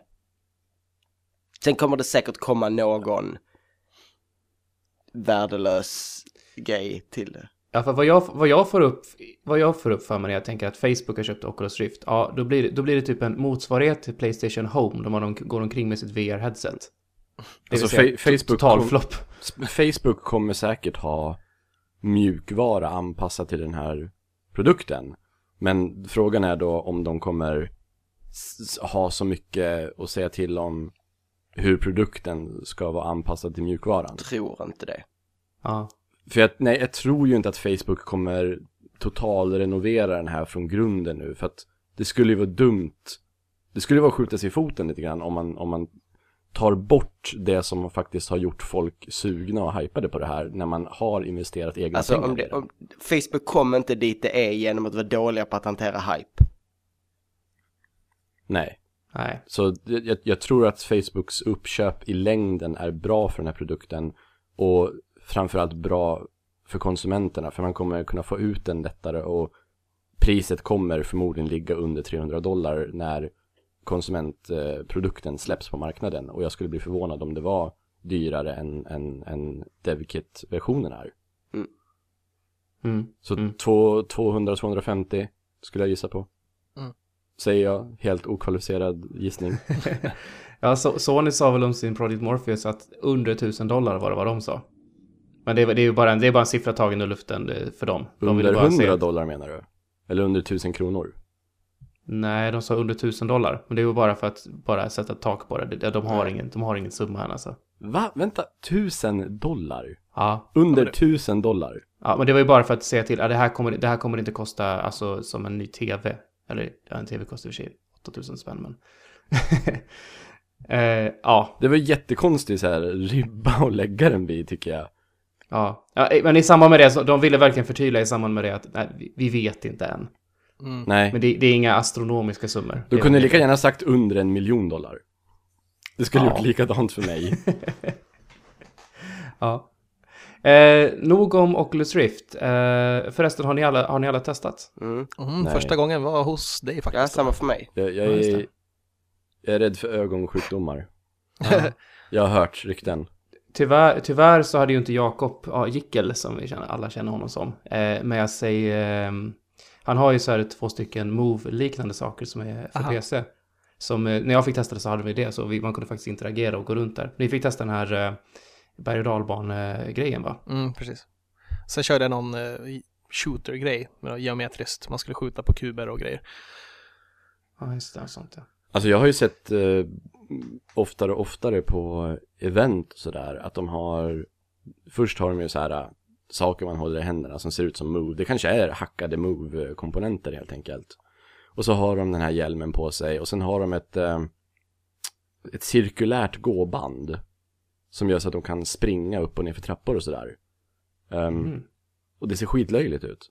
Och jag skulle aldrig i livet våga stå och göra det där offentligt så folk ser. För man ser ut som, man ser sjukt dorky ut. Och det kan inte vara framtiden. Det måste vara någonting bättre än det där. Framtiden måste vara snyggare än så. Mm. Ja, det måste se Aha. coolare ut. Framtiden måste se coolare ut. Det där är inte Matrix coolt. Nej, det är, det är, det är som 3D-glasögonen när man kollar på film. Men frå frågan är, om man hade gjort det med en lång skinnrock på sig, hade det varit coolt då? och solglasögon och, och bakåtkammat ja, hår. Och, Ram och Rammstein, i, och Rammstein i spelandes bakom dig, ja. Alltså jag såg ju, jag såg ju eh, delar av första Matrix. Eh, igår faktiskt. Och fan, det är inte så coolt som det var i slutet av 90-talet. Nej, men, men det funkar fortfarande i sin egen bubbla. Ja, det gör ja, ju det. Sant. Ja. Men fan. Det kändes ni... ju tidlöst när det kom tyckte jag. Tycker ni att estetiken i Wipeout 1 funkar än idag? Alltså ja. det var ju det coolaste som fanns när Playstation jag, kom. Jag tror faktiskt det. Ja, jag, jag är nog beredd att tycka det. Ja. Det finns vissa saker som alltså, hade man gjort det idag hade det kanske inte varit lika ballt, men som liksom på något vis bildar sitt eget pocket universe där det håller sig coolt. Mm. Tror ni det kommer gå runt och Matrix blir coolt igen någon gång då? Typ att hipsters börjar klä sig skinnrockar igen. Jag hoppas. Alltså någon, någon gång, någon gång. Eh, Jag läste faktiskt på om det här fenomenet retro, det generella fenomenet om retro för ett tag sedan. Och eh, teorin säger att, att retro är nästan alltid 15 till 20 år bakåt. Mm. Eh, så det som är coolt nu är alltså 15 till 20 år bakåt är retro idag. Eh, och så har det tydligen varit jättelångt bak i tiden. Så att andra, andra världskriget var det retro att ha på sig grejer från första världskriget till exempel. Intressant. Det, ja, det, jag tyckte det var intressant att det, det ändå har sträckt sig så långt bak och det nästan alltid är den, den, det tidsspannet. Jag gissar att det handlar om att det är en generation som växer upp Mm. och Ja, tar upp det- någonting som fanns när de var små. Ja. Och sen, Typ i, i tidig vuxendom sådär, i 20-årsåldern. Ja, precis, precis. Så är det väldigt lätt att se tillbaka nostalgiskt på barndomen. När man just har förlorat barndomen, så att säga. Mm. Lite, lite så. Jag menar när våran generation väx- har växt upp nu och har pengar och helt plötsligt kan köpa alla de här spelen som man inte hade råd med när man var liten. Mm. Och då blir det inne och samla, samla retrospel och sånt. Och så att, Så, så Matrix är ju snart 15 år gammal då. då. Mm. Det är väl 15 år gammalt nu? ja, det, 99 kom de va? Ja. Mm. Så börja klä bara- er Ja. i läderrockar. Damma av solbrillorna och sen läderrocken. Ja. Fast samtidigt om man tar klädmässigt så sträcker det sig betydligt längre än så. Än 15-20 tänker jag. För jag menar folk i min ålder klär sig som på 70 80-talet. Och vi var inte Ja. födda då. Stockholms hipsters har ju börjat klä sig 90-talet nu Ja. med bomberjackor och fila, fila skor Ja, och så ni- vidare. 90-talet har Ja, kommit precis. ur sig. Runda när, solbrillor när, när jag växte upp, när jag växte upp, alltså på 90-talet, i slutet av 90-talet så var det ju, i min skola i alla fall, inne med utsvängda byxor. Alltså 70-tals Mm. utsvängda byxor. Och då menar inte jag alltså så här John Travolta som satt skittajt i röven, utan då menar jag att man tar jeans och så typ så här syr man ut, syr man ut dem Mm. så de blir bredare längst ner och upp så. Eh, och på eh, 2000-talet så var ju 80-talet rätt mycket tillbaka. Ja, visst. Jag tänker Ja. typ så här tjej, tjej, alltså, tjej, alltså tröjor på tjejer med du vet, visa ena, ena axeln och lite så här, du vet, det var ganska 80-tals eh, stuk så. Absolut. Och det är ju, det är ju, det är ju för alldeles naturligt att det är, att det är bombarjackor och Dr. Martens som börjar bli inne nu då. Men eh, modebloggen svampriket.se Ja. Eh, skriver ja, ju om spel ibland också. ja. Vad är Så jag tänkte din ta min andra nyhet andra här. nyhet Tobias? Ja. Valve har eh, pratat lite grann om Steam. Och eh, de säger att eh, de absolut, det som absolut drar mest folk, det som spelas absolut mest är free to play där. Föga förvånande kanske. Bli, man blir inte jätteförvånad utav det. Men eh, så finns det en till nyhet som man kan baka ihop med det. Som, och som, att, som säger att det är en undersökning gjord av någon så här undersökningsfirma. Som säger att de som spelar free to play, alltså alla inkomsterna som kommer av free to play med in-game purchases och sånt där. Så är det 0,22 procent som står för 46 procent av alla inkomster. Inte heller så förvånande. Wow. Så om man, om man skulle jämföra då, då eh, inte vilka spel som är populärast, utan vilka spel som drar in mest pengar på Steam, så kanske det skulle se annorlunda ut. Ja, Jag tänker att går Steam runt på så här 2000 pers worldwide Det låter nästan så. Det är en anmärkningsvärt liten procentdel tycker jag. verkligen, verkligen liten. Eh, det, det säger ganska mycket om spel, spelklimatet och, och eh, det kanske också säger en del om framtiden. Och menar, om, om utgivare och sånt börjar titta på de här siffrorna och inser att shit, det är ju, det, är det så här det ser ut så ja, vi kanske får få se mer, mer Dungeon Keepers tyvärr. Men jag, Ja. alltså, jag tror, jag tror fortfarande att de får in en, en massa pengar. Visst, det är få människor som står för en stor del av intäkten. Men det tror jag är bara för att det är så vansinnigt många som spelar utan att betala. Ja, det, det, det är nog så. Det, det, det förtäljer ju inte här alltså, exakta antal människor som Nej. spelar. För att alltså, det, det, det, är, det är få som står för mycket, men det är för att det alltid finns det, det är ju det här fåtalet människor, ni vet, man har alla haft en kompisen som när man höll på med sådana här grejer som, som la in en massa, blev bättre för att han la in en massa pengar. Du vet så här, hade alla bäst Pokémon-kort eftersom de hade mest pengar till att köpa Pokémon-kort, sådana här grejer. Eller Magic the Gathering. Det var ju Ja, därför precis. jag slutade spela Magic the Gathering. För att det, det var så jävla pay to win. Jag blev så trött på det. Och jag var liksom... Jag, jag gick ju i högstadiet och hade inga jävla pengar. Men är det inte så i Magic att du har, du har större procentuell chans bara att få korten? Eh, Men i och för sig finns ju av marknaden sen också, man köper specifika kort Mm. på nätet och sådär. Precis. klart. Och ja. man så här... Om man köper fler booster packs så Ja, får man man ju fler chans. bra kort Mm. också. Jo. Och jag, som, jag hade kanske råd att köpa tre booster packs i veckan. Medan mina rikare vänner hade råd att köpa sju booster packs i Ja. veckan. Ja men Så det känns man- igen, alla sådana där kortspel så var precis, jag spelade ju Doom Trooper-korten. Oj, liksom- oj, oj, jag med, jag med. Jävlar vad många sådana kort jag hade och jag köpte ju Jag har dem kvar någonstans, min, min, min låda med alla Doom Trooper-kort. Jag var ju på, jag var iväg på turneringar igår och spelade, spelade det här. Så det var, Jävlar. oj. Fan vad kul. Ja, nej. Ja. Ja. ja, nej men det var också samma sak. Jag, fick, jag hade ett par, tre så här riktigt bra kort. Men eh, då var också, jag vet inte, alltså det var ju åtta stycken likadana utav skitkorten liksom. Mm. Mm. Nej. Ja, Ja, så att nej, det var, jag var klar där. Ja. Eh, free to play. Jag är intresserad av hur um, free to play kommer eh, påverka spelrecensioner om det blir mer och mer vanligt. För jag, jag inbillar mig att folk kommer inte vara så intresserade av recensioner när det är för någonting som de inte kommer behöva sp- spendera 500 kronor på utan bara kan Mm. hoppa in och testa själva. Men det är ju det, alltså recensionen kan ju också hjälpa folk att inte spendera så mycket tid innan de, innan de inser att det är dåligt. Jo, fast det, det tycker jag recensioner redan gör. Ja, Så det är inte det att, att det hoppar in istället för eh, prislappen. Att så här, visst, prislappen försvinner, men man vill ha något sätt att sålla kvalitativt. Mm. Utan det är ju, nu är det ju liksom både det att man vill veta om det är värt pengarna och man vill så här, hitta de bra produkterna, om det är värt ens tid sådär. Men sen när det blir free to play, då kommer det ju bara handla om att vara värt ens tid. Det här med pengarna försvinner ju. Ja, men free to play håller ju sig ändå ganska mycket inom specifika genrer. Alltså det är ganska begränsat vilka spel som, kom, som är free to play. Det kommer Jo, det är sant. Det kommer fortfarande vara ett stor mängd spel som inte blir free to play.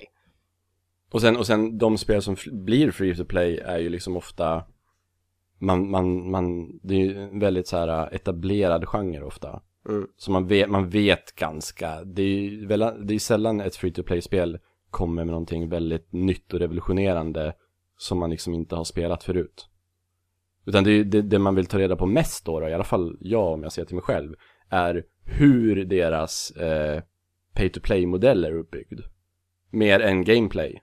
Vi måste nog eh, specificera här lite grann också för att du sa att det inte kommer så mycket nytt som är free to play. Det gör det ju faktiskt, för det är ofta en hel del indiespel som finns där ute som gör helt unika saker som är helt gratis. Mm. Men med free to play menar vi ju... Ja, jo, jo Precis. Jag, vill, jag vill bara, jag vill bara Ja. specificera det att free to play, när vi pratar om det, är ju faktiskt modellen av att man släpper ett spel gratis och sen får tillbaka det på reklam eller in-game purchases. Absolut, det är inte bara det. Precis, det handlar ju inte bara om in-game purchases. Nej. Utan det, det är ju spel som är helt och hållet gratis. Som Flappy Bird. Men, men ja. Men det, det är inte de vi pratar om nu. Nej.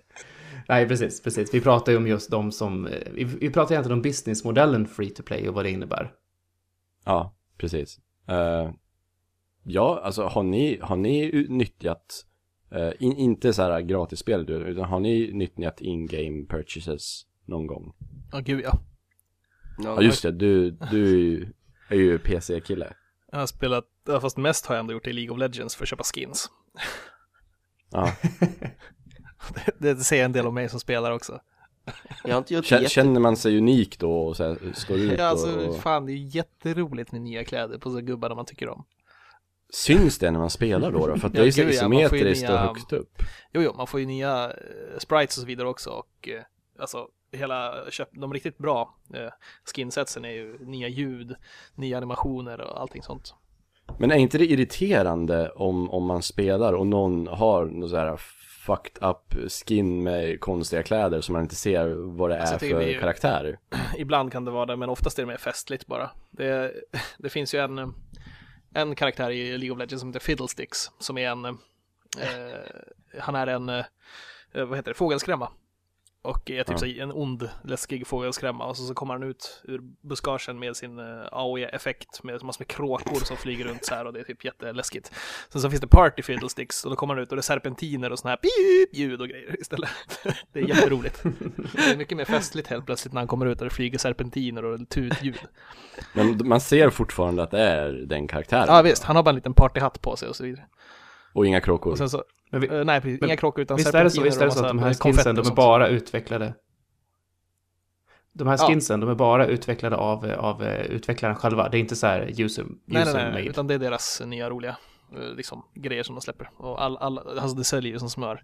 Jag menar, LOL har ju över 30 miljoner spelare. Så att det, det, man förstår varför. Då räcker de Ja. där 0,2 procenten ganska länge. Jo, de gör ju det. Fast det är säkert mer där skulle jag gissa faktiskt.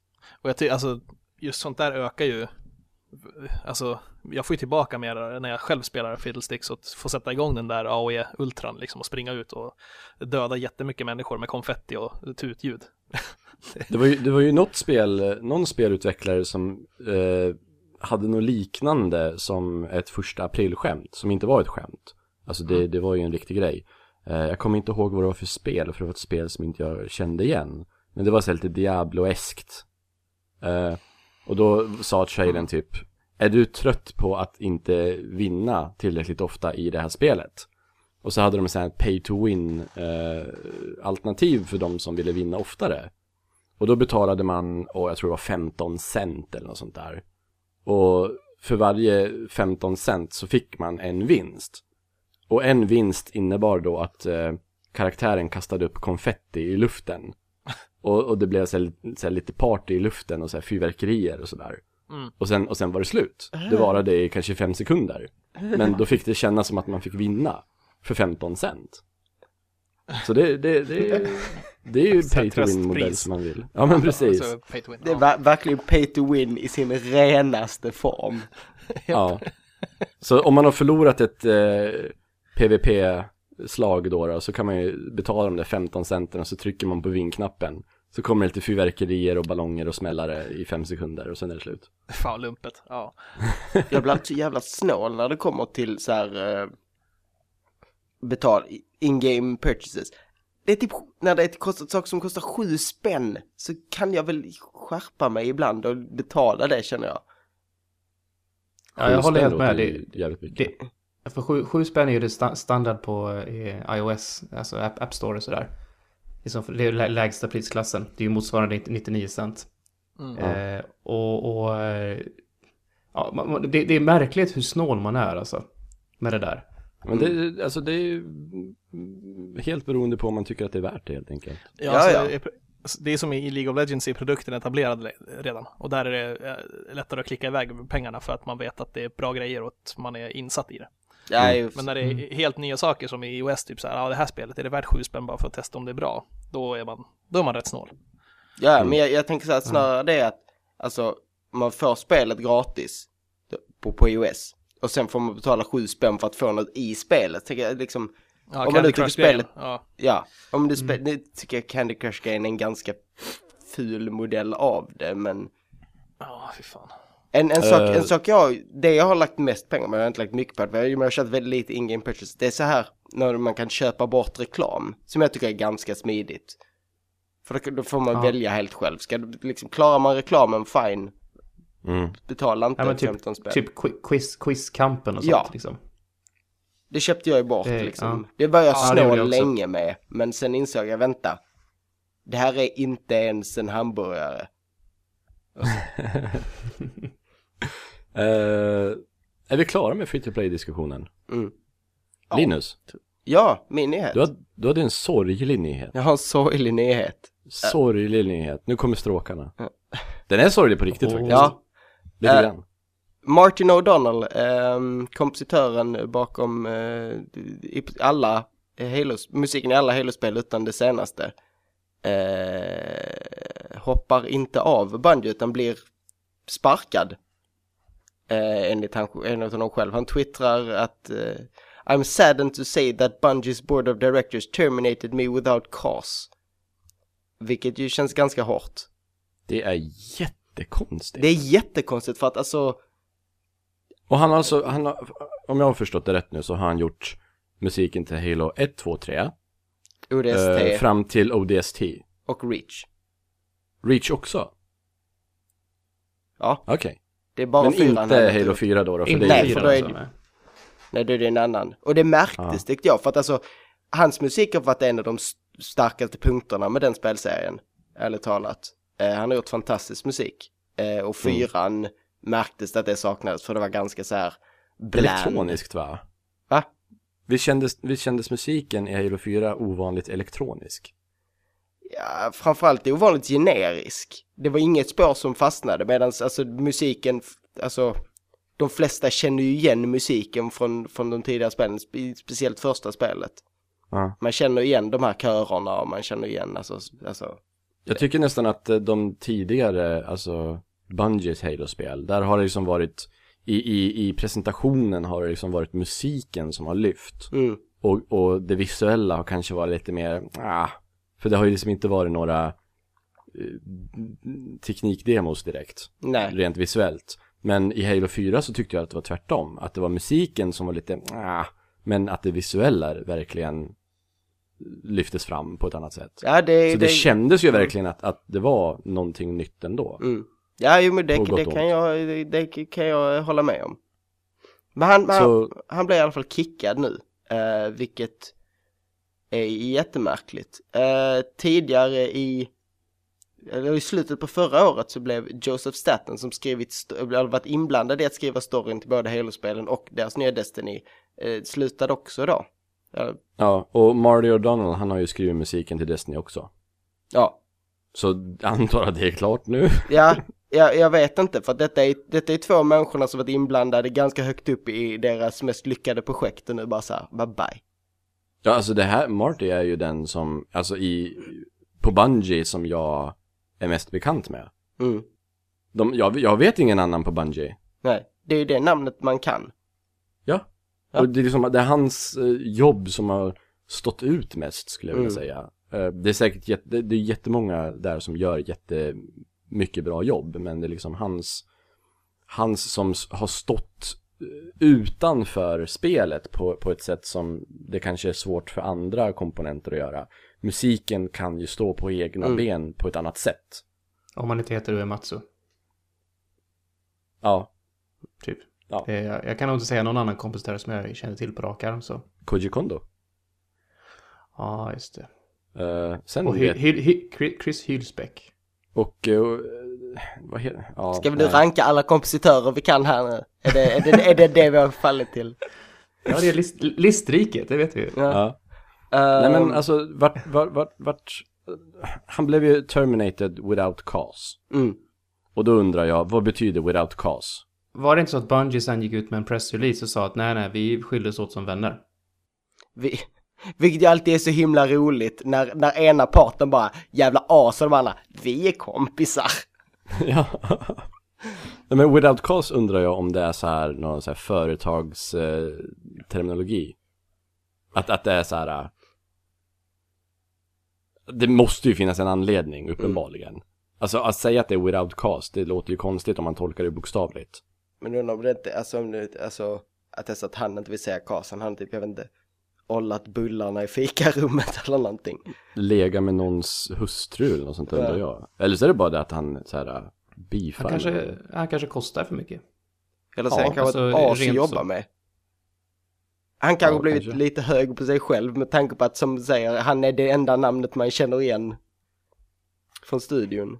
Jag har ju hört att han är ehm, politiskt sett väldigt konservativ. Mm.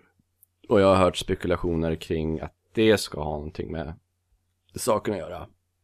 Det, Men det vore jättekonstigt om det skulle hända nu efter, vadå, 14 år. ja, Om, om det är som så att han är ett så här, konservativt, och när jag säger konservativt så menar jag så här, eh, det republikanska definitionen av konservativ. Att han skulle vara så här väldigt eh, dryg och Gay-bashar.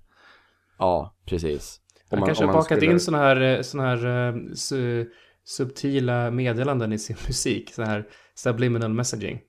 Ja. Som styr folk. så här, life begins at conception och sånt där. det är därför så många använder gay som ett, som ett nedlåtande term online för att det började i Halo. Ja, Oj, Ja, oj, där oj. är det. Ja. fast det skulle, då är det jättekonstigt att man teabagar för det är ju supergay. Ja. Ja, men de är ju styrda av det här. De är ju, ja, ja det, du menar så. Ja, Ja, nej, alltså jag tror ju inte att det är därför. Nej. Absolut inte. Men det, vi vet ju inte, det är omöjligt. Det kan ju vara ett, vad som helst över en miljon anledningar. Det är bara tråkigt att han försvinner. Uh, för att han gör jävligt bra musik och det känns som att framtida spel från Bungie kommer ha sämre musik. Tror... Han kommer säkert hamna någonstans. Ja. Ändå. Tror ni han kommer hamna hos eh, Free for... For Free for... Vad heter 343 Industries. Three for three. Kommer han hamna där nu? Uh, Vore det ett Det- klokt... det Du, du tros- som Halo-fan. Va? Vill du att han ska hamna där? jag hade jättegärna velat att han ska hamna hamna där, men jag vet inte om jag riktigt tror det. Även om, om han skulle vilja göra det, alltså jag tror inte att 343 Industries skulle säga nej. Det beror på hur mycket han kostar. Nej, jo. Jag tror inte att 343 Industries har dåligt med pengar heller. Nej, nej, nej, nej, nej, nej, nej. Tror de har Ha, rätt. har man hand om Halo, då har man nog bra om pengar. Mm. Eh, kanske mer än, om, än man har om man har hand om Destiny. Mm. Även om de har också fått rätt mycket pengar där. Ja, jo, absolut. Ehm, nej, alltså det, det blir väl intressant att se vart han hamnar helt enkelt. Mm. Och se om det dyker upp någonting om, om varför han fick gå. Ja. För att det är ju i inspelande stund ett mysterium. Ja. Peter, Ja. Jag har du ju- någon fin nyhet? Ja, fin och fin. Jag är lite så här skeptisk, men den blev klar intressant i alla fall. Det är ju att eh, Sony ska lägga sig i en annan pool av eh, spel som är väldigt eh, uttjatad vid den här eh, punkten, även om jag tycker om dem. Men eh, de ska göra ett, ett spel som heter H1Z1.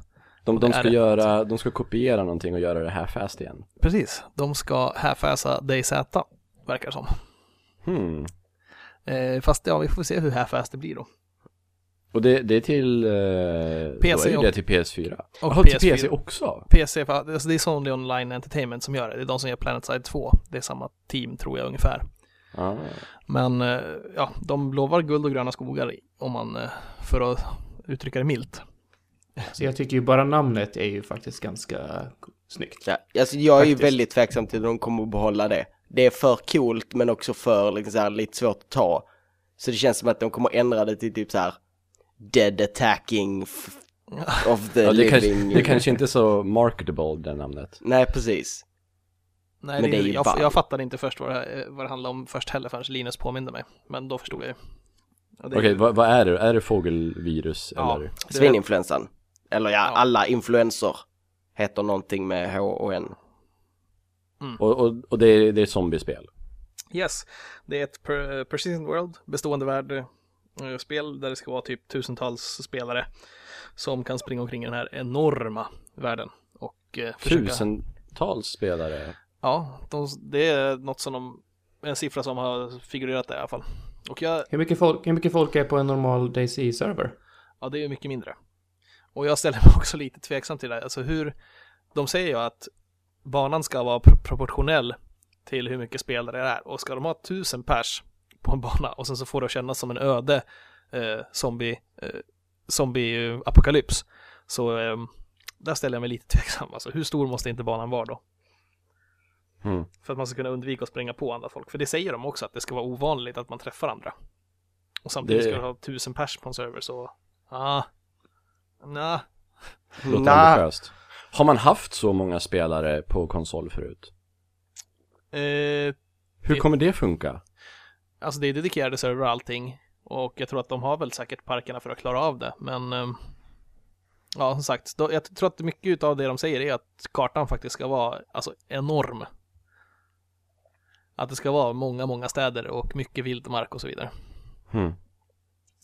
Men eh, det verkar i alla fall vara, de, det är eh, ganska mycket så eh, emfas på att just överlevnadsgrejen, att man ska samla saker, scavenge och sen bygga sig, eh, försöka bygga en bas av något slag.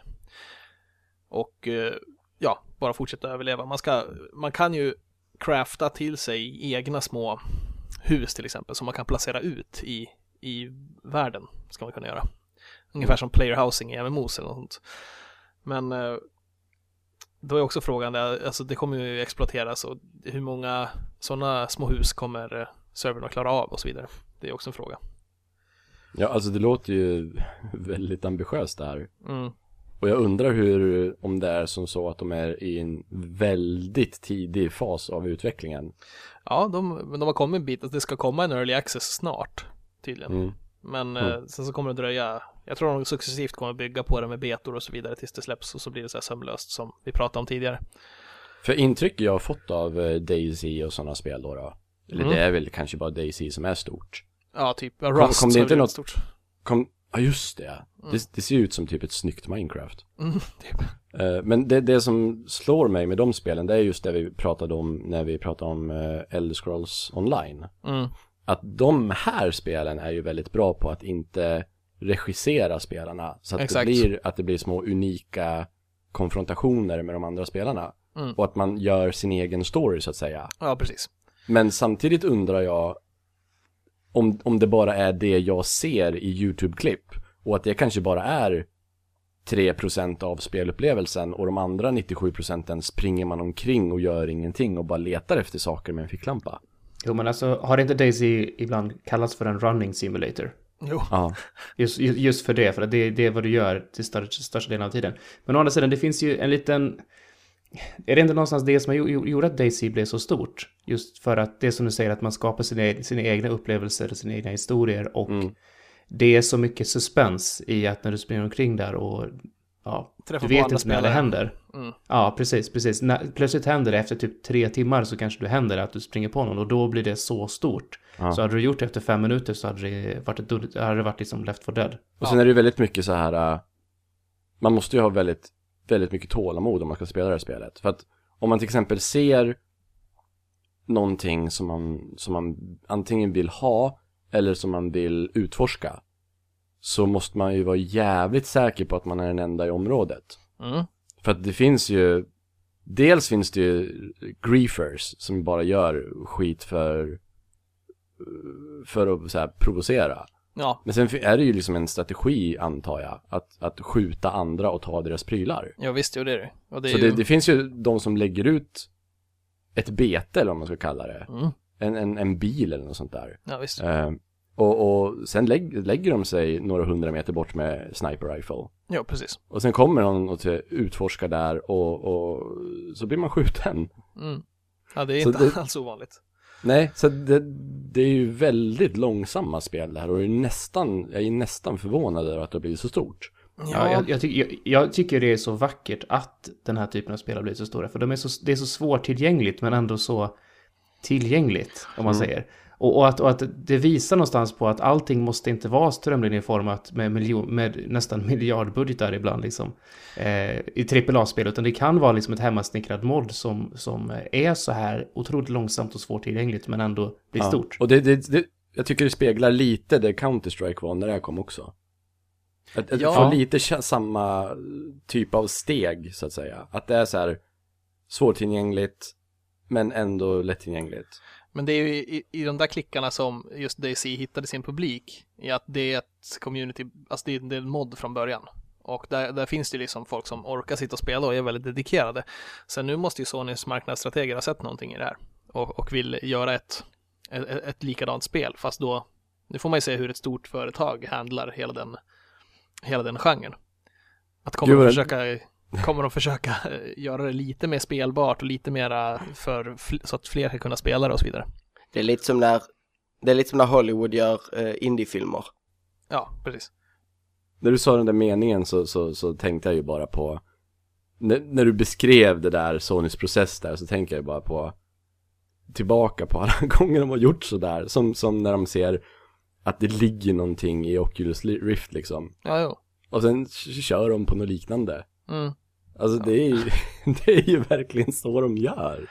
Ja, men alltså det, det, och det är inget konstigt. Det är ju precis Nej, det- nej, gud, det är jättebra. För att de, de har ju ofta mer resurser än, än, än den framgångsrika, den produkten som redan är framgångsrik. Ja, ja.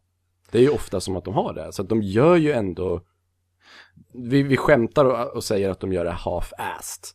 Men egentligen är det ju kvalitativt. Ja, och så jag, jag, jag tittade på en 50 minuters stream på Twitch när de, eh, de satt och spelade det här och det var två devs som satt och körde på eh, en väldigt tidig bild och Det var så här, man kom till ytor som man såg var liksom Ja, det var, de var levlade, för, eh, alltså, de var så här platta markytor där man såg att de skulle börja ställa ut byggnader och så vidare. Så de körde runt i den lite halvfärdiga världen och visade hur stor banan var. Alltså det ser ju, de fick åka långt för att komma till nästa stad i en bil. Liksom. Och Mm. mellan det så var det en bensinmack mitt ute i ingenstans och så vidare. Och sen så var det stora, stora vildmarkspartier. Och sånt där. Fick man, något intryck av hur mycket zombies det kommer vara? Eh, det såg inte, ja, ungefär som DayZ. Det är inga, alltså inga, inga, Inte så många det vill säga. inga horder som, alltså att det är typ eh, 200 zombies i en hop som kommer sådär. Men vissa tillfällen så kan man ändå vara jagad av 10-15 stycken kanske inne i stan så. Mm. När man går runt. Eh, och eh, ja, det är ungefär som DayZ. Alltså det ligger, det ligger vad heter det, komponenter om man säger överallt inne i stan. Det, man hittar ett bildäck kan man samla på sig så kan man samla ihop till och bygga en bil senare då. Och så finns det träd, det finns eh, mat, det finns vatten och så vidare. Så att, Finns det någon, någon story eller något sånt där i det eller det bara är överleva och hittills så verkar det bara vara apokalyps och man sätter sig in i det och sen så, ja, eh, försöka Shit överleva. went down, survive. Hur ser det ut när man samlar ihop grejerna till bilen? För jag tänker om man ska sjunka in i världen så är det lite svårt det- om man går fram till ett och bara kling och så har man det i fickan liksom. Nej, nej, jag, jag, man måste hitta massa, eh, så här är ju i, i DayZ så är det så i alla fall, att man måste hitta många komponenter, man måste hitta en motor, man måste hitta bensin, däck. Men hur plockar man upp dem då? Utan man, man går på dem och så har man dem i ryggsäcken eller man liksom måste bära dem eller hur? Det blir som i Half-Life 2, man så här, ser den sväva Ja, det var ingenting sig. man såg. Och sen så just när de satte sig i bilen och körde den så var det liksom, då gick in i konsol, eh, och spanade en bil och sen så körde de. Så att det Ja. var inte någonting sånt de visade. Ja, Men okej. jag kan tänka mig att det är sånt att, att däcken kanske kräver en del eh, utrymme och att, eh, i, att man inte kan bära med sig så många samtidigt och sådär. Nej. Så att du kan ju inte ha en hel bil i ryggsäcken liksom. Nej, nej det var det jag tänkte för då blir det helt Mm. plötsligt så här inte lika immersive. Nej, precis. Inte alls. Men inte ja, alls alltså, immersive. det- det ska bli intressant att se antar jag. Eh, Det känns, det känns som ett spel som står och faller med sin avvägning. Mm. Mellan det här svårtillgängliga, spännande som DayZ står för och eh, tillgängligheten som jag antar att Sony vill få Ja. ut det här till. det som talar för dem är att PlanetSide 2-gänget vet massiva spel och de, de kan det här med, med att optimera det och göra det spelbart på stor, stor, stor skala. Tänk om det här blir genren som definierar den här kommande generationen nu. Ja, så här Att det, att det är så här uh, Minecraft för vuxna. Ja, ja, det kan ju vara det. Det kan ju vara. Eller, Alltså att, det- att det blir en, så här, en, en mix av tredjepersonsskjutare och MMORPG. Ja, Där Ja. man springer omkring och har sina egna äventyr. Och liksom bygger egna hus och så. Eller ja, det var väl jättelösa rykten, men att, att eh, Blizzards kommande uh, Project Titan skulle vara någon slags eh, MMO-FPS av något slag. Ja. Men eh, det, var, det var ju bara spekulationer. He- Mm. Förmodligen helt utan grund. Men eh, då litar vi på dig Peter att du håller koll på det här spelet. Det kommer jag göra. Jag har en Playstation 4 nu och jag tycker ju ändå om zombiespel. Men alltså det känns som att, alltså så, jag tycker om zombies så pass mycket att jag fortfarande är pepp när det kommer zombiespel. Men marknaden är ju sjukt saturerad av zombiespel och jag förstår folk som är trötta på det. Ja. Så att, men jag kommer ju hålla koll på det och det ska bli kul att se om de lyckas. Jag, jag är lite tveksam än så länge på alla komponenter och hur de ska få det att funka. Men eh, ja, ja, det låter ju överambitiöst, minst sagt. oh ja, oh ja. Så vi, vi får se. Japp. Eh, jag har en, en, en liten sak som eh, hände samma dag som det senaste avsnittet av, eller det kom ut samma dag som det senaste avsnittet av Svamppodd släpptes. Mm. Och det tror jag alla här har hört lite grann om. Och det är ju det att eh, franska speljournalister fick eh, komma och kika lite på Watch Dogs Mm. i Paris. Och eh, jag antar att de blev lite bortskämda och fick sitta i sköna fåtöljer och sådär. Eh, och kanske fick lite gratis mat och sådär som det brukar vara på event. Mm. Men Och sen är helt okej med ju- det. Ja, ja, absolut. Herregud, man måste ju äta. Mm. Eh, men sen fick de ju även en eh, gratis Nexus 7. som då är en eh, ny fin blank surfplatta. Och det är ju lite konstigt. Och att de tar emot det är ju lite konstigt. Och då blev det ju lite, Undrar om de försökte sälja in det med att jo men du har ju så här mobila devices i Watchdog så du typ hack, hackar saker och sånt där. jag undrar ju faktiskt det. F- förmodligen och sånt försökte de. Men alltså där slår det ju direkt över till mutor tycker jag.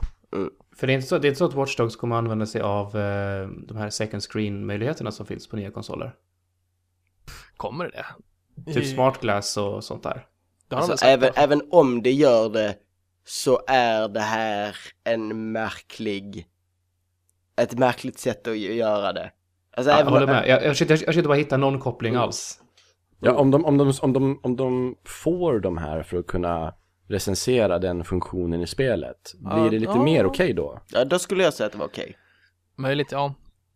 Eller Men att om- att om det var de- okej, om- det är alltid tveksamt när det är en produkt, alltså när det är en, Annars- ändå en produktrecensionsbransch där man får grejer av någon för att recensera Jo. det. Mm. Men alltså, då- okej, jag kanske tog i där med, med att det är direkta mutor, men det finns någonstans där, det kanske bara beror på vad man själv är van vid och var man kommer ifrån. Att, jag menar, en goodiebag för mig ska inte innehålla en surfplatta. Det känns liksom konstigt. Nej, Var det, inte, var det inte någon E3-presentation för ett tag sedan där, jag minns inte om det var Microsoft eller Sonys, där de gav ut den Jo. nya konsolen? Microsoft, alla fick en 360. Ja, slim, slim-varianten var det va? Slim-varianten, Ja, alla i det. publiken. Så var det. Det kändes, det kändes också lite märkligt. Ja, men då är det inte så stor skala, då, eller var, nej, det var väl bara journalister det också.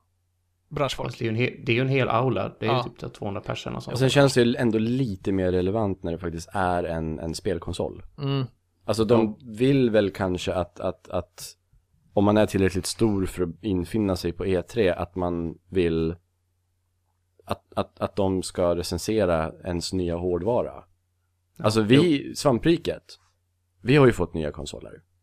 Vi, vi fick ju till exempel Wii U när den kom. Mm. Och när jag skulle recensera Pokémon Y så kom ju den med en 2DS. Och då resulterade det ju i att jag satt och snackade lite om, om 2DS i podden sen. Mm. Eh, men det, det, alltså det är ju en spelkonsol. Alltså vi får ju gratis spel för att recensera spelen. Och vi får ibland gratis spelkonsoler utan uttrycket att de säger nu vill vi att ni ska recensera spelkonsolen. Mm. De hade inte, i fallet med 2DS och Wii U då, då så hade Bergsala till exempel inte sagt åt oss att vi vill ha en artikel där ni skriver om, om hårdvaran. Utan det var liksom, här är en ny grej, prova den. Ja, alltså, allting handlar ju om, om eh, är det relevant att ge bort den grejen vid det Mm. tillfället så ja visst. Eh, Har det någonting med, med det man skriver om på sajten att göra? Alltså, Mm. har det någonting med spel att göra? Precis. Så då är det ju Undrar hur den här Nexus-plattan hade med det att göra. Och ska, så ska man vara rent, liksom så här, 100% hårdraget superjournalistiska, då ska man inte ta emot något överhuvudtaget. Då ska man liksom stå för allting själv. Då ska man inte ens ta emot gratis mat. Men å andra sidan, Ja, nej, Så- alltså, det här är inte en bransch där vi har möjlighet att göra det riktigt. Nej, inte långt därifrån. Jag menar, man förstår själv att Aft- Aftonbladets uh, skribenter till exempel, där, där hostar de ju själva för, alltså där kan ju så säkert redaktionen köpa in en konsol åt dem. Och så få därifrån testa då. då. Men att, Mm. att få det ut av le- leverantörerna eh, är något som vissa måste förlita sig på också. Och på det sättet, så precis som vi fick av, av Bergsala fick, fick en eh, Wii U. Men jag tror att, i alla fall, men nu kan jag inte prata för alla, men om jag pratar för oss för svampriket så tror jag vi har förmågan att skilja de sakerna åt. Jag tror inte vi blir, jag tror vi är tillräckligt medvetna för att inte bli påverkade. Nu skulle jag aldrig ta emot en Nexus, men jag tror inte vi blir påverkade av att vi får spel, att vi liksom blir mer positiva till dem för att vi får dem eller något. Nej, Inte samma med Nej, konsoler. herregud, alltså, jag har fått spel som jag inte ens har recenserat. Jag har spel i spelhyllan som fortfarande är inplastade. mm. Jag har inte, jag har inte rört dem. Ja, Eh, det är- Så det, är- det är inte som så att, oj nu har vi fått spel, nu, nu måste vi typ ge någonting tillbaka. Mm. Ja men det är ju där, det är där verkligen the linchpin är. Att vid vilket tillfälle eh, kommer man till det, det, den punkten att det känns som att nu måste jag ge någonting tillbaka. Kan jag ta Mm. emot det här med rent samvete? Liksom. Alltså ärligt talat, i det här sammanhanget, om jag fick en Nexus så hade jag tyckt det var så douchigt att de gav mig den så att jag inte känt mig skyldig alls faktiskt. I och för sig, ja. Men jag hade inte tagit den då för att jag vill inte verka verka som att det skulle kunna vara något sånt. Nej, alltså jag, det... jag, jag läste ju flera som hade, som hade tagit de här och sen sålt dem på Ebay och, och donerat pengarna. Ja, precis, till eh, Gamesaid. Mm. Det, det är ju fint. Men jag undrar om det inte hade varit bättre om man helt enkelt förklarade för Ubisoft att jag tänker inte ta emot det här för att det här är någonting som kan uppfattas som en muta och som skadar förtroendet för både speljournalistik och Mm. utgivare. Och ni borde inte göra det här. Precis. Att eh, sätta, sätta ner foten lite. Mm. För att om man bara tar emot den och ler och tackar så kommer ju liksom inom den bubblan så kommer det liksom aldrig uppfattas som att det är något problem med det här. Mm. Och förhoppningsvis nu när det kom ut då, då och, och det blev lite tumult kring det, inte så mycket, men en del. Så Ja, kanske de drar sig för att göra så. det finns ty en tydlig danger zone där- man, där man måste börja tänka efter. Helt Mm. klart. Och det, det, det, det ty tycker jag är vid dyr elektronik och bara få det sådär i goodiebags. Mm. Ja, och det var ju alltså, det var ju goodiebags också. Det var det Ja. verkligen. Det var ju giftbags. Och Det, det är Eh, inget... Linus, Ja. Ja. eh, du, du som ändå det, pluggar till journalist. Mm. Eh, finns, det, finns det några lagliga aspekter alls på det här med typ bestickning och sådana här saker? Alltså, Alltså det finns väldigt lite lagar som reglerar journalistik. Eh, journalistiken reglerar sig själv med eh, Mm. eh, pressetik och så. Eh, just för att det inte ska behöva finnas lagar. Ehm, sen vet jag inte hur lagar skulle kunna fungera inom, inom just det området. Det, det är snarare att lagar skulle gå in och, och reglera andra delar i, i pressetiska haverin. Men, men nej, nej. Ingenting. Nej, jag ville bara kolla. Vi, vi, kan ju, vi kan ju runda av det här då, med att säga att Ubisoft eh, uppmärksammade ju faktiskt att det här hade blivit lite omskrivet. Och att man gick ut då med och försökte förklara att, eh, det, det verkar ju inte vara som så att det är för att de ska recensera någon funktion i spelet. Utan de här, eh, de här eh, tablets då, då hade ju laddats med eh, eh, bilder och videoklipp. Och, och, och, och länkar med information om Ah. Watch Dogs. Alltså Så istället för en glorifierad pe- USB-sticka. Ja. Ja, precis. Eh, Men de, eh, de, de ber ju om ursäkt och, och förstår ju hur det ser ut. Det var väl Och, någon eh, annan avdelning som sa att nej vi var inte, det här var inte alls del i vår PR-strategi. Ja, precis. Det här är, Alltså- det här är ingenting som, som, vi, som, som stämmer överens med våra riktlinjer. Jag älskar det, jag älskar ursprungsförklaringen där med att det var grejer på det. Vi funderar på att mejla en pdf, men så tänkte vi, är det inte smartare med en Nexus? Lite mer effektivt. Ja, smidigt sådär. Ja, nej men eh, det, det, det är bra att, att, att, att, eh, att folk reagerar i alla fall. Ja. Ja. Ja. Eh, Mm. Ska vi gå vidare till lyssnarbrev? Sure. Ja.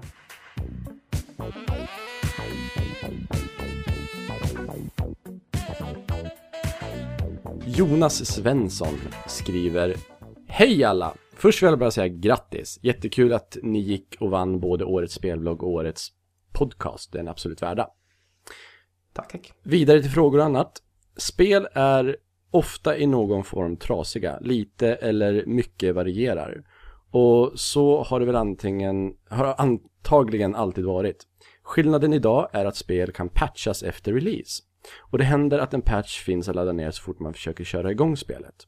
Jag kanske har fel, men jag tycker att spel är trasigare vid släpp idag än tidigare när patchar och annat dylikt inte var en möjlighet. Vad beror detta på? Det är, det är, ja, jag kan ju svara på den utan att höra resten. Det är ganska enkelt. Det är för att det, idag kan man skicka ut en patch och då kan de alltså få ut spelet tidigare och tjäna mer pengar på det. Delvis. Men det är också delvis det att det är mycket lättare att utveckla ett 8-bitars plattformsspel utan, ut, utan eh, fel i än det är att utveckla ett whatever spel idag. Men titta på, titta på Nintendo, de patchar ju oftast inte. Jag vet inte hur det ser ut på Wii U, men på Wii fanns det ju i princip inte patchar. Nej, Wii U, Wii patch, jag tror Wii patchade eh, en gång. Och 3DS har patchat, alltså Nintendo pratar jag nu då. Nintendo har patchat en gång på Wii och två gånger på 3DS. Ja, Vad jag jag, menar, vad jag minns.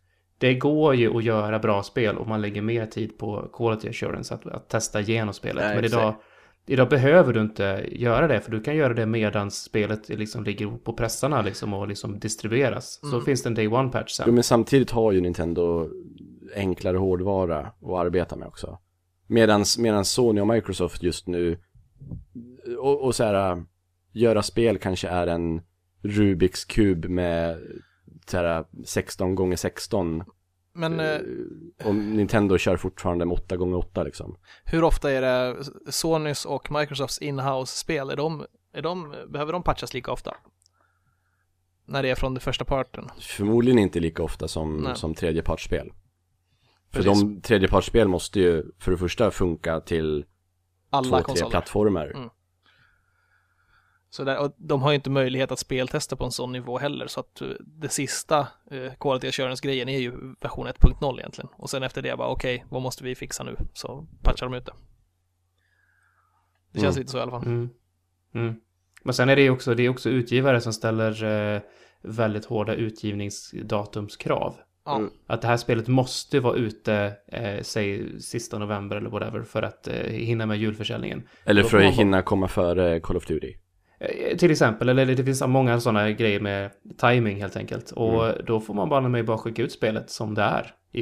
Det är så det verkar vara, liksom att man gör det bästa av det och sen skickar ut det så får man fixa efterhand.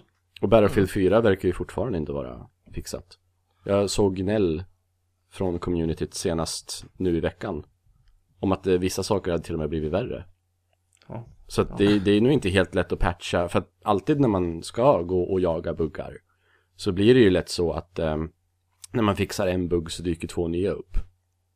Och jag undrar, och det är därför jag gärna jämför lite med så här Rubiks kub. För om man tar den blåa rutan där den ska vara. Så är det två stycken, typ den gröna och den röda hamnar fel.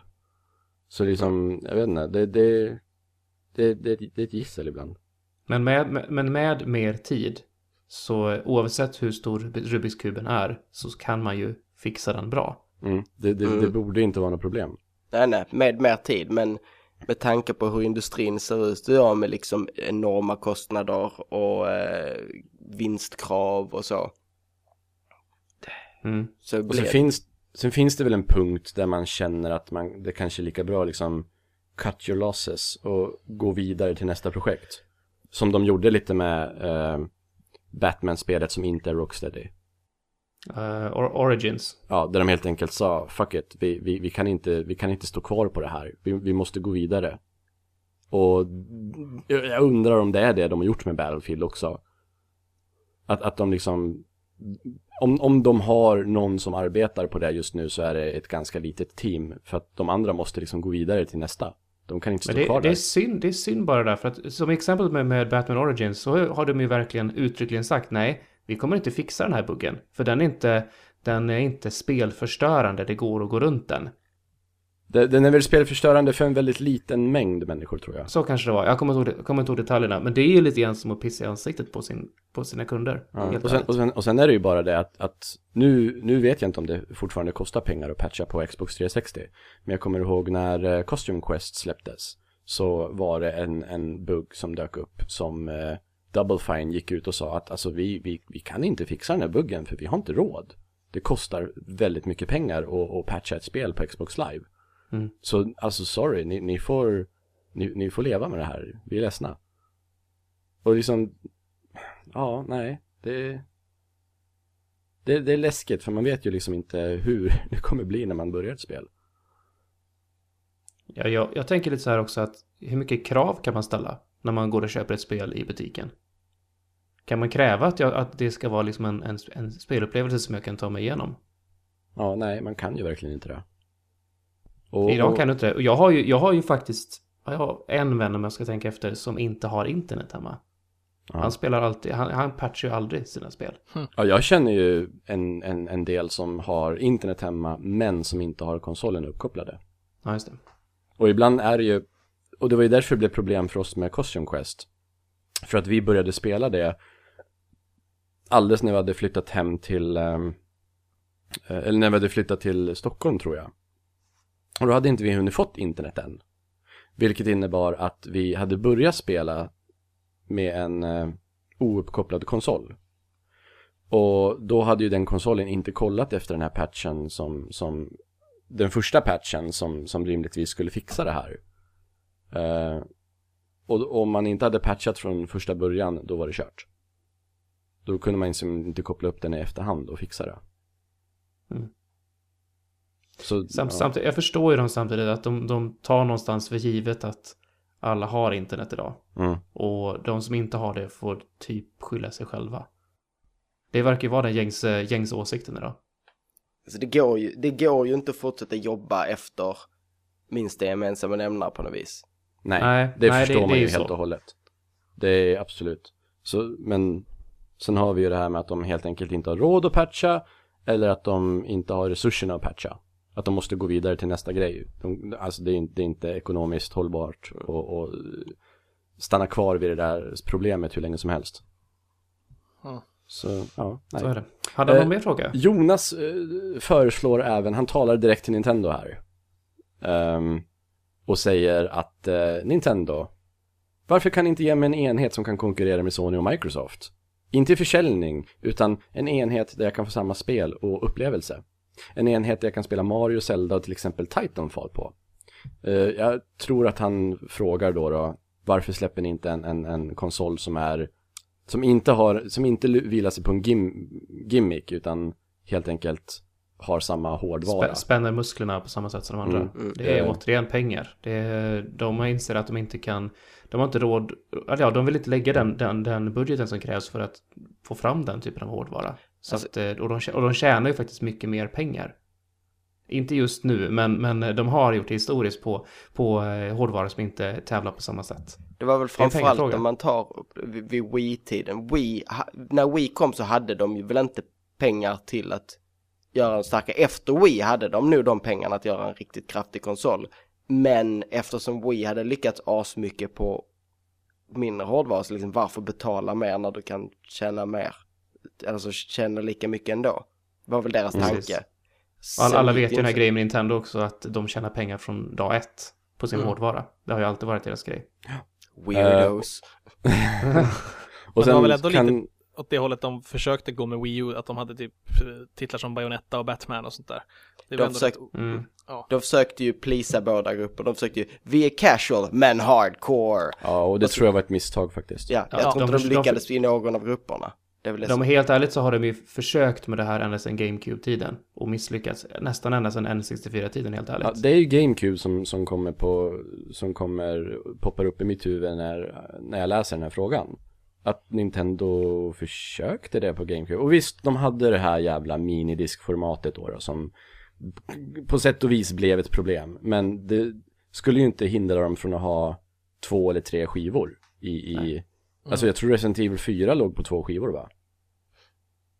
Jag för mig det. Ja, det stämmer GameCube. nog. Ja, det stämmer nog. Alltså det är ju inte ett stort hinder. Alltså All, eh, alla får av- det alltid att låta som ett mycket större problem. än vad- Ni vet när Xbox och, och Playstation, Play- när Xbox var tvungna att ha spel på flera skivor för de inte hade Blu-ray. Så fick Ja. alla det blev ett så himla stort problem att man behövde gå fram och byta skivor. Visst, det är klart det är smidigare att inte göra det, men dude. Det, det, är, ing- det är ingenting som gör så att, så att utgivaren inte kommer vilja ha sitt spel på en etablerad konsol då. Nej. Alltså GameCube, ett misslyckande som det var, rent ekonomiskt, sålde ju ändå ungefär lika många X som en, som en, som en Xbox. Ja, det är bara, jag tror de bara hamnade så här en, två miljoner efter i totalförsäljning. Precis, och det var ju ett enormt misslyckande i sig eftersom den ena är Alltså, Nintendo och den Så andra är Nintendo, håvade in ganska mycket pengar på GameCube. Det är jag övertygad om. Ja. Men, Men, men, men inte lika inte mycket som... som- de gjorde på Super Nintendo-tiden. nej, det är inte som att, att diskformatet var det som höll tillbaka GameCube skulle jag vilja säga. Nej. Utan det är ju liksom delvis folk- Nintendos image och att jag tror inte Nintendo har samma marknadsföringsresurser som Microsoft och Sony har. Nej. Och, Jag och att de inte är lika bra på det. Nej. Nej, det, för det, det är de ju inte. Det håller jag med om. Jag tror också att, att det var att, att bärsa på det lilla, de, de små skivorna. Det kom också av att folk var vana på att bärsa på att Nintendo valde kassettformat på N64. Mm. Och där hade det ju varit lite problem att lösa det med att spelet kom på tre kassetter. Ja, där kassetterna i sig kostade 800 spänn att köpa i affären. Gud, om, om Final Fantasy 7 skulle komma till Nintendo 64, hur många kassetter skulle det här bli? Många. Det skulle vara helt orimligt. Ja, nej men det är väl därför. Nintendo har blivit brända. Nintendo har inte resurser och skills att eh, leka i samma sandlåda som Sony och Microsoft. Så de måste leka i en separat sandlåda som ibland kanske krossar över med, nej men gud, krossar över.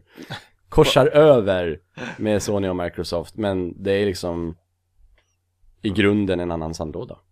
Ja. Mm. Och den är tom just nu. Ja, men alltså bara det här att, att de blev chockade över hur jobbigt det var att jobba med HD visar ju vilken annan värld de lever. Mhm. Ja, alltså de är ju inte riktigt eh, de, har, de har ju kunskapen, det har de ju Alltså jag tror ju säkert att Nintendos eh, utvecklare är bland Japans allra, allra bästa Mm. Ja, utan tvekan. Men en skitduktig utvecklare som säkert eh, har en av Japans bästa utvecklarlöner kommer ändå inte vara tillräckligt för att ta det där steget från SD till HD. För att det, man behöver fler människor helt enkelt. Mm. Eh, och det verkar ju Nintendo vara lite, det är ju sällan som Nintendo försenar spel. Mm. Men det har de ju gjort nu till Wii U. Men det märks ju att Sony vs Microsoft-grejen har blivit mycket mer global och börjat komma in i Japan också så att Nintendo står ju och tvekar lite liksom. Mm, mm. Eh, ska vi, ja, vi går vidare till Daniel Andersson. Japp. Eh, även om, Är det, är, det, är det Quid? ja, även känd som Quid. Som skriver ett eh, långt, fint mail. Om Som jag att, inte fick. Jag vet inte, jag har något problem med min mail. Ja, men har du läst det? Nej, alla andra har pratat så himla varmt om det så jag har missat det. Så du får läsa det för mig. Hallå svampriket. Jag måste säga att det kändes ganska mörkt i vintras när Malin och Samson hoppade av svampriket. Junior lades ner. Amanda, Nathalie och revanschgrabbarna gick vidare. Även om inte någon av dessa var mina favoriter så kändes det ändå som att hela riket var på väg att sakta men säkert mynna ut i ingenting. Sen gick det på halvfart ett tag innan det började hända nya spännande saker. Tobbe fick ta mer plats och känns idag självklar som Anders parhäst. Även Linus kom in i matchen och hittade sin plats bland svamparna.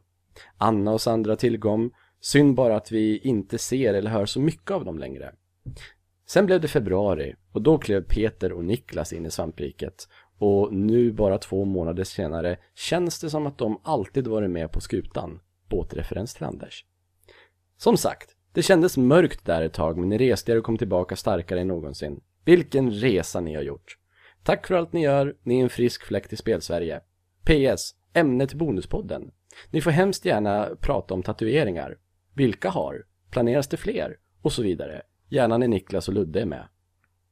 De är alltså de som är mest tatuerade på svampriket då, då. Ja. Ja.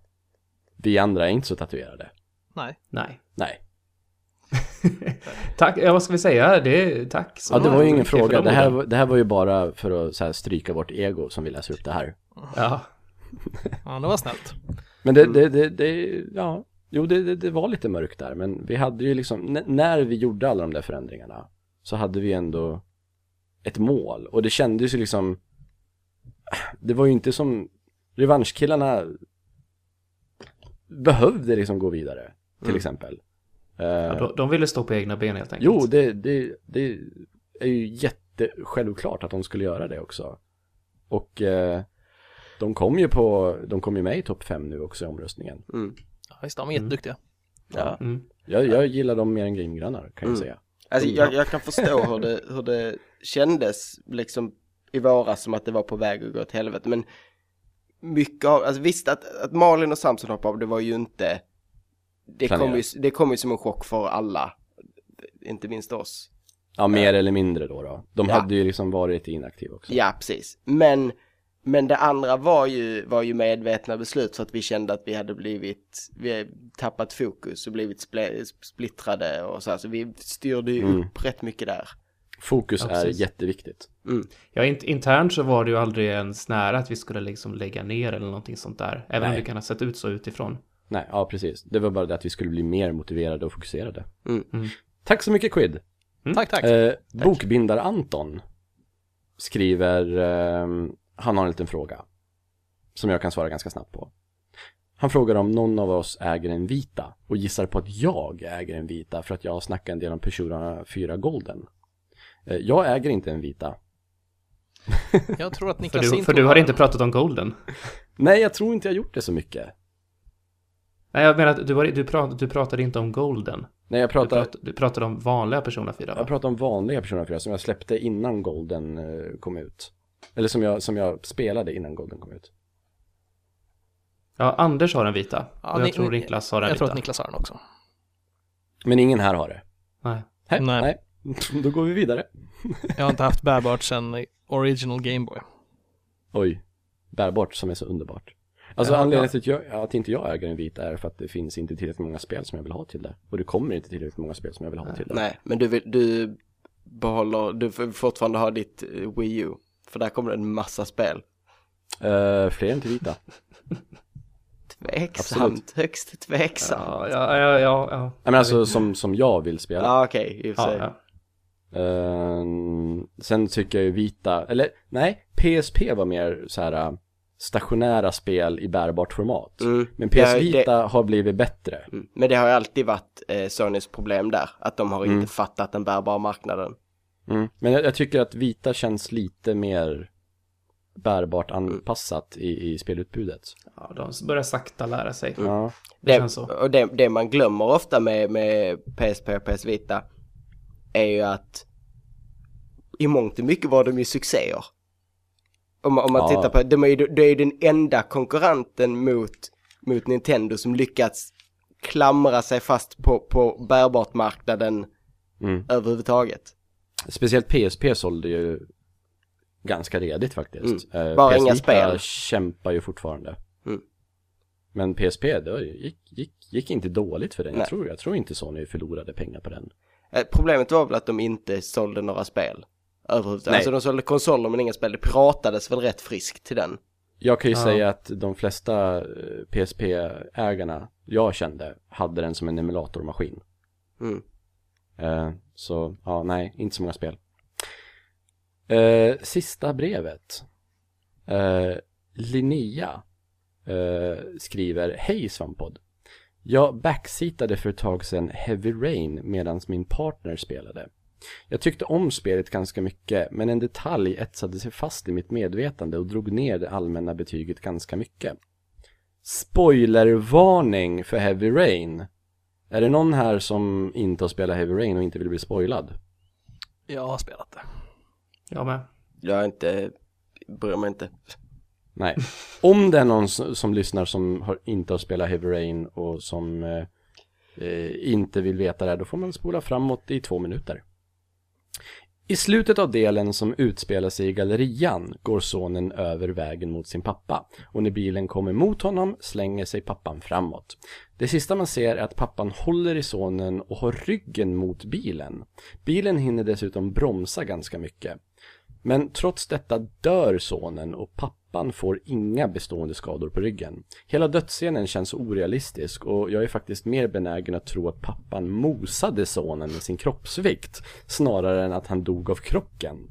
Tycker ni jag är petig eller håller ni med mig? Har ni upplevt något liknande i ett annat spel? Jag tycker att um, här, visst, jag kan köpa det där, det, det är lite så men om vi pratar plot holes och heavy rain så är det där det sista jag tänker på.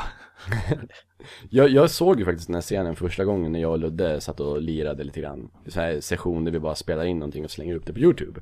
Eh, och jag reagerade faktiskt också på det där, det såg skitdumt ut. För bilen träffade inte sonen såg det ut som. Nej.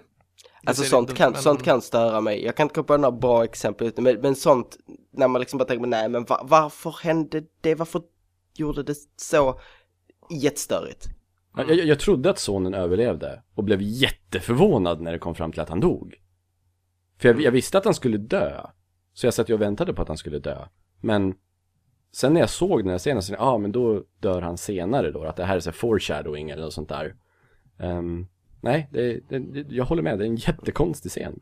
Och jag vet inte om det är för att den inte ska se så våldsam ut, att, att de fick så här kutta ner den. Att den kanske var lite mer gory och, och våldsam innan. Ja, för att man Så kan väl göra den, man kan De ju göra den mindre gory utan att göra den fett märklig. Ja, jo, det borde man kunna. Men de har ju skurit och kapat något djävulskt i det här spelet också. Så att Mm. alltså hela den ockulta delen med drömmarna och så vidare, det, det är för mig den stora grejen. Att det är så här helt oförklarat, bara försvinner. De knyter inte ihop säcken på något vis. Ehm, det, det är sådant som stör mig i spel med, med, att- med saker så här, mellansekvenser och död så. Det är framförallt när man spelar ett spel där man blir skjuten på konstant hela tiden. Du vet, man kan, man kan ha så här automatiskt rene, ren, ren, regenererande hälsa, du vet, genom hela spelet. Och sen kommer en mellansekvens där man blir skjuten en gång i bröstet och dör. Ja, Och man bara, Ja. what? Det eller när Aris dör och en Phoenix Down inte bara fixar det. Mm. Hon får ett svärd igenom sig. Annars har hon fått så här fucking tre meter långa missiler i ögat. Och Och typ förlorat 30 HP. Det här har ju alltid varit ett, spels, ett, ett problem i spel, att du, du måste acceptera världen som den är. Mm. Jag minns att Anders och Samson pratade i Retroresan ganska ofta om ett engelskt uttryck som jag inte riktigt kommer ihåg nu. Eh, men det är i princip, man får, man får gilla läget, man får acceptera spelets logik Ja, som det är. suspension of disbelief. Suspension precis. of disbelief, tack, där var den.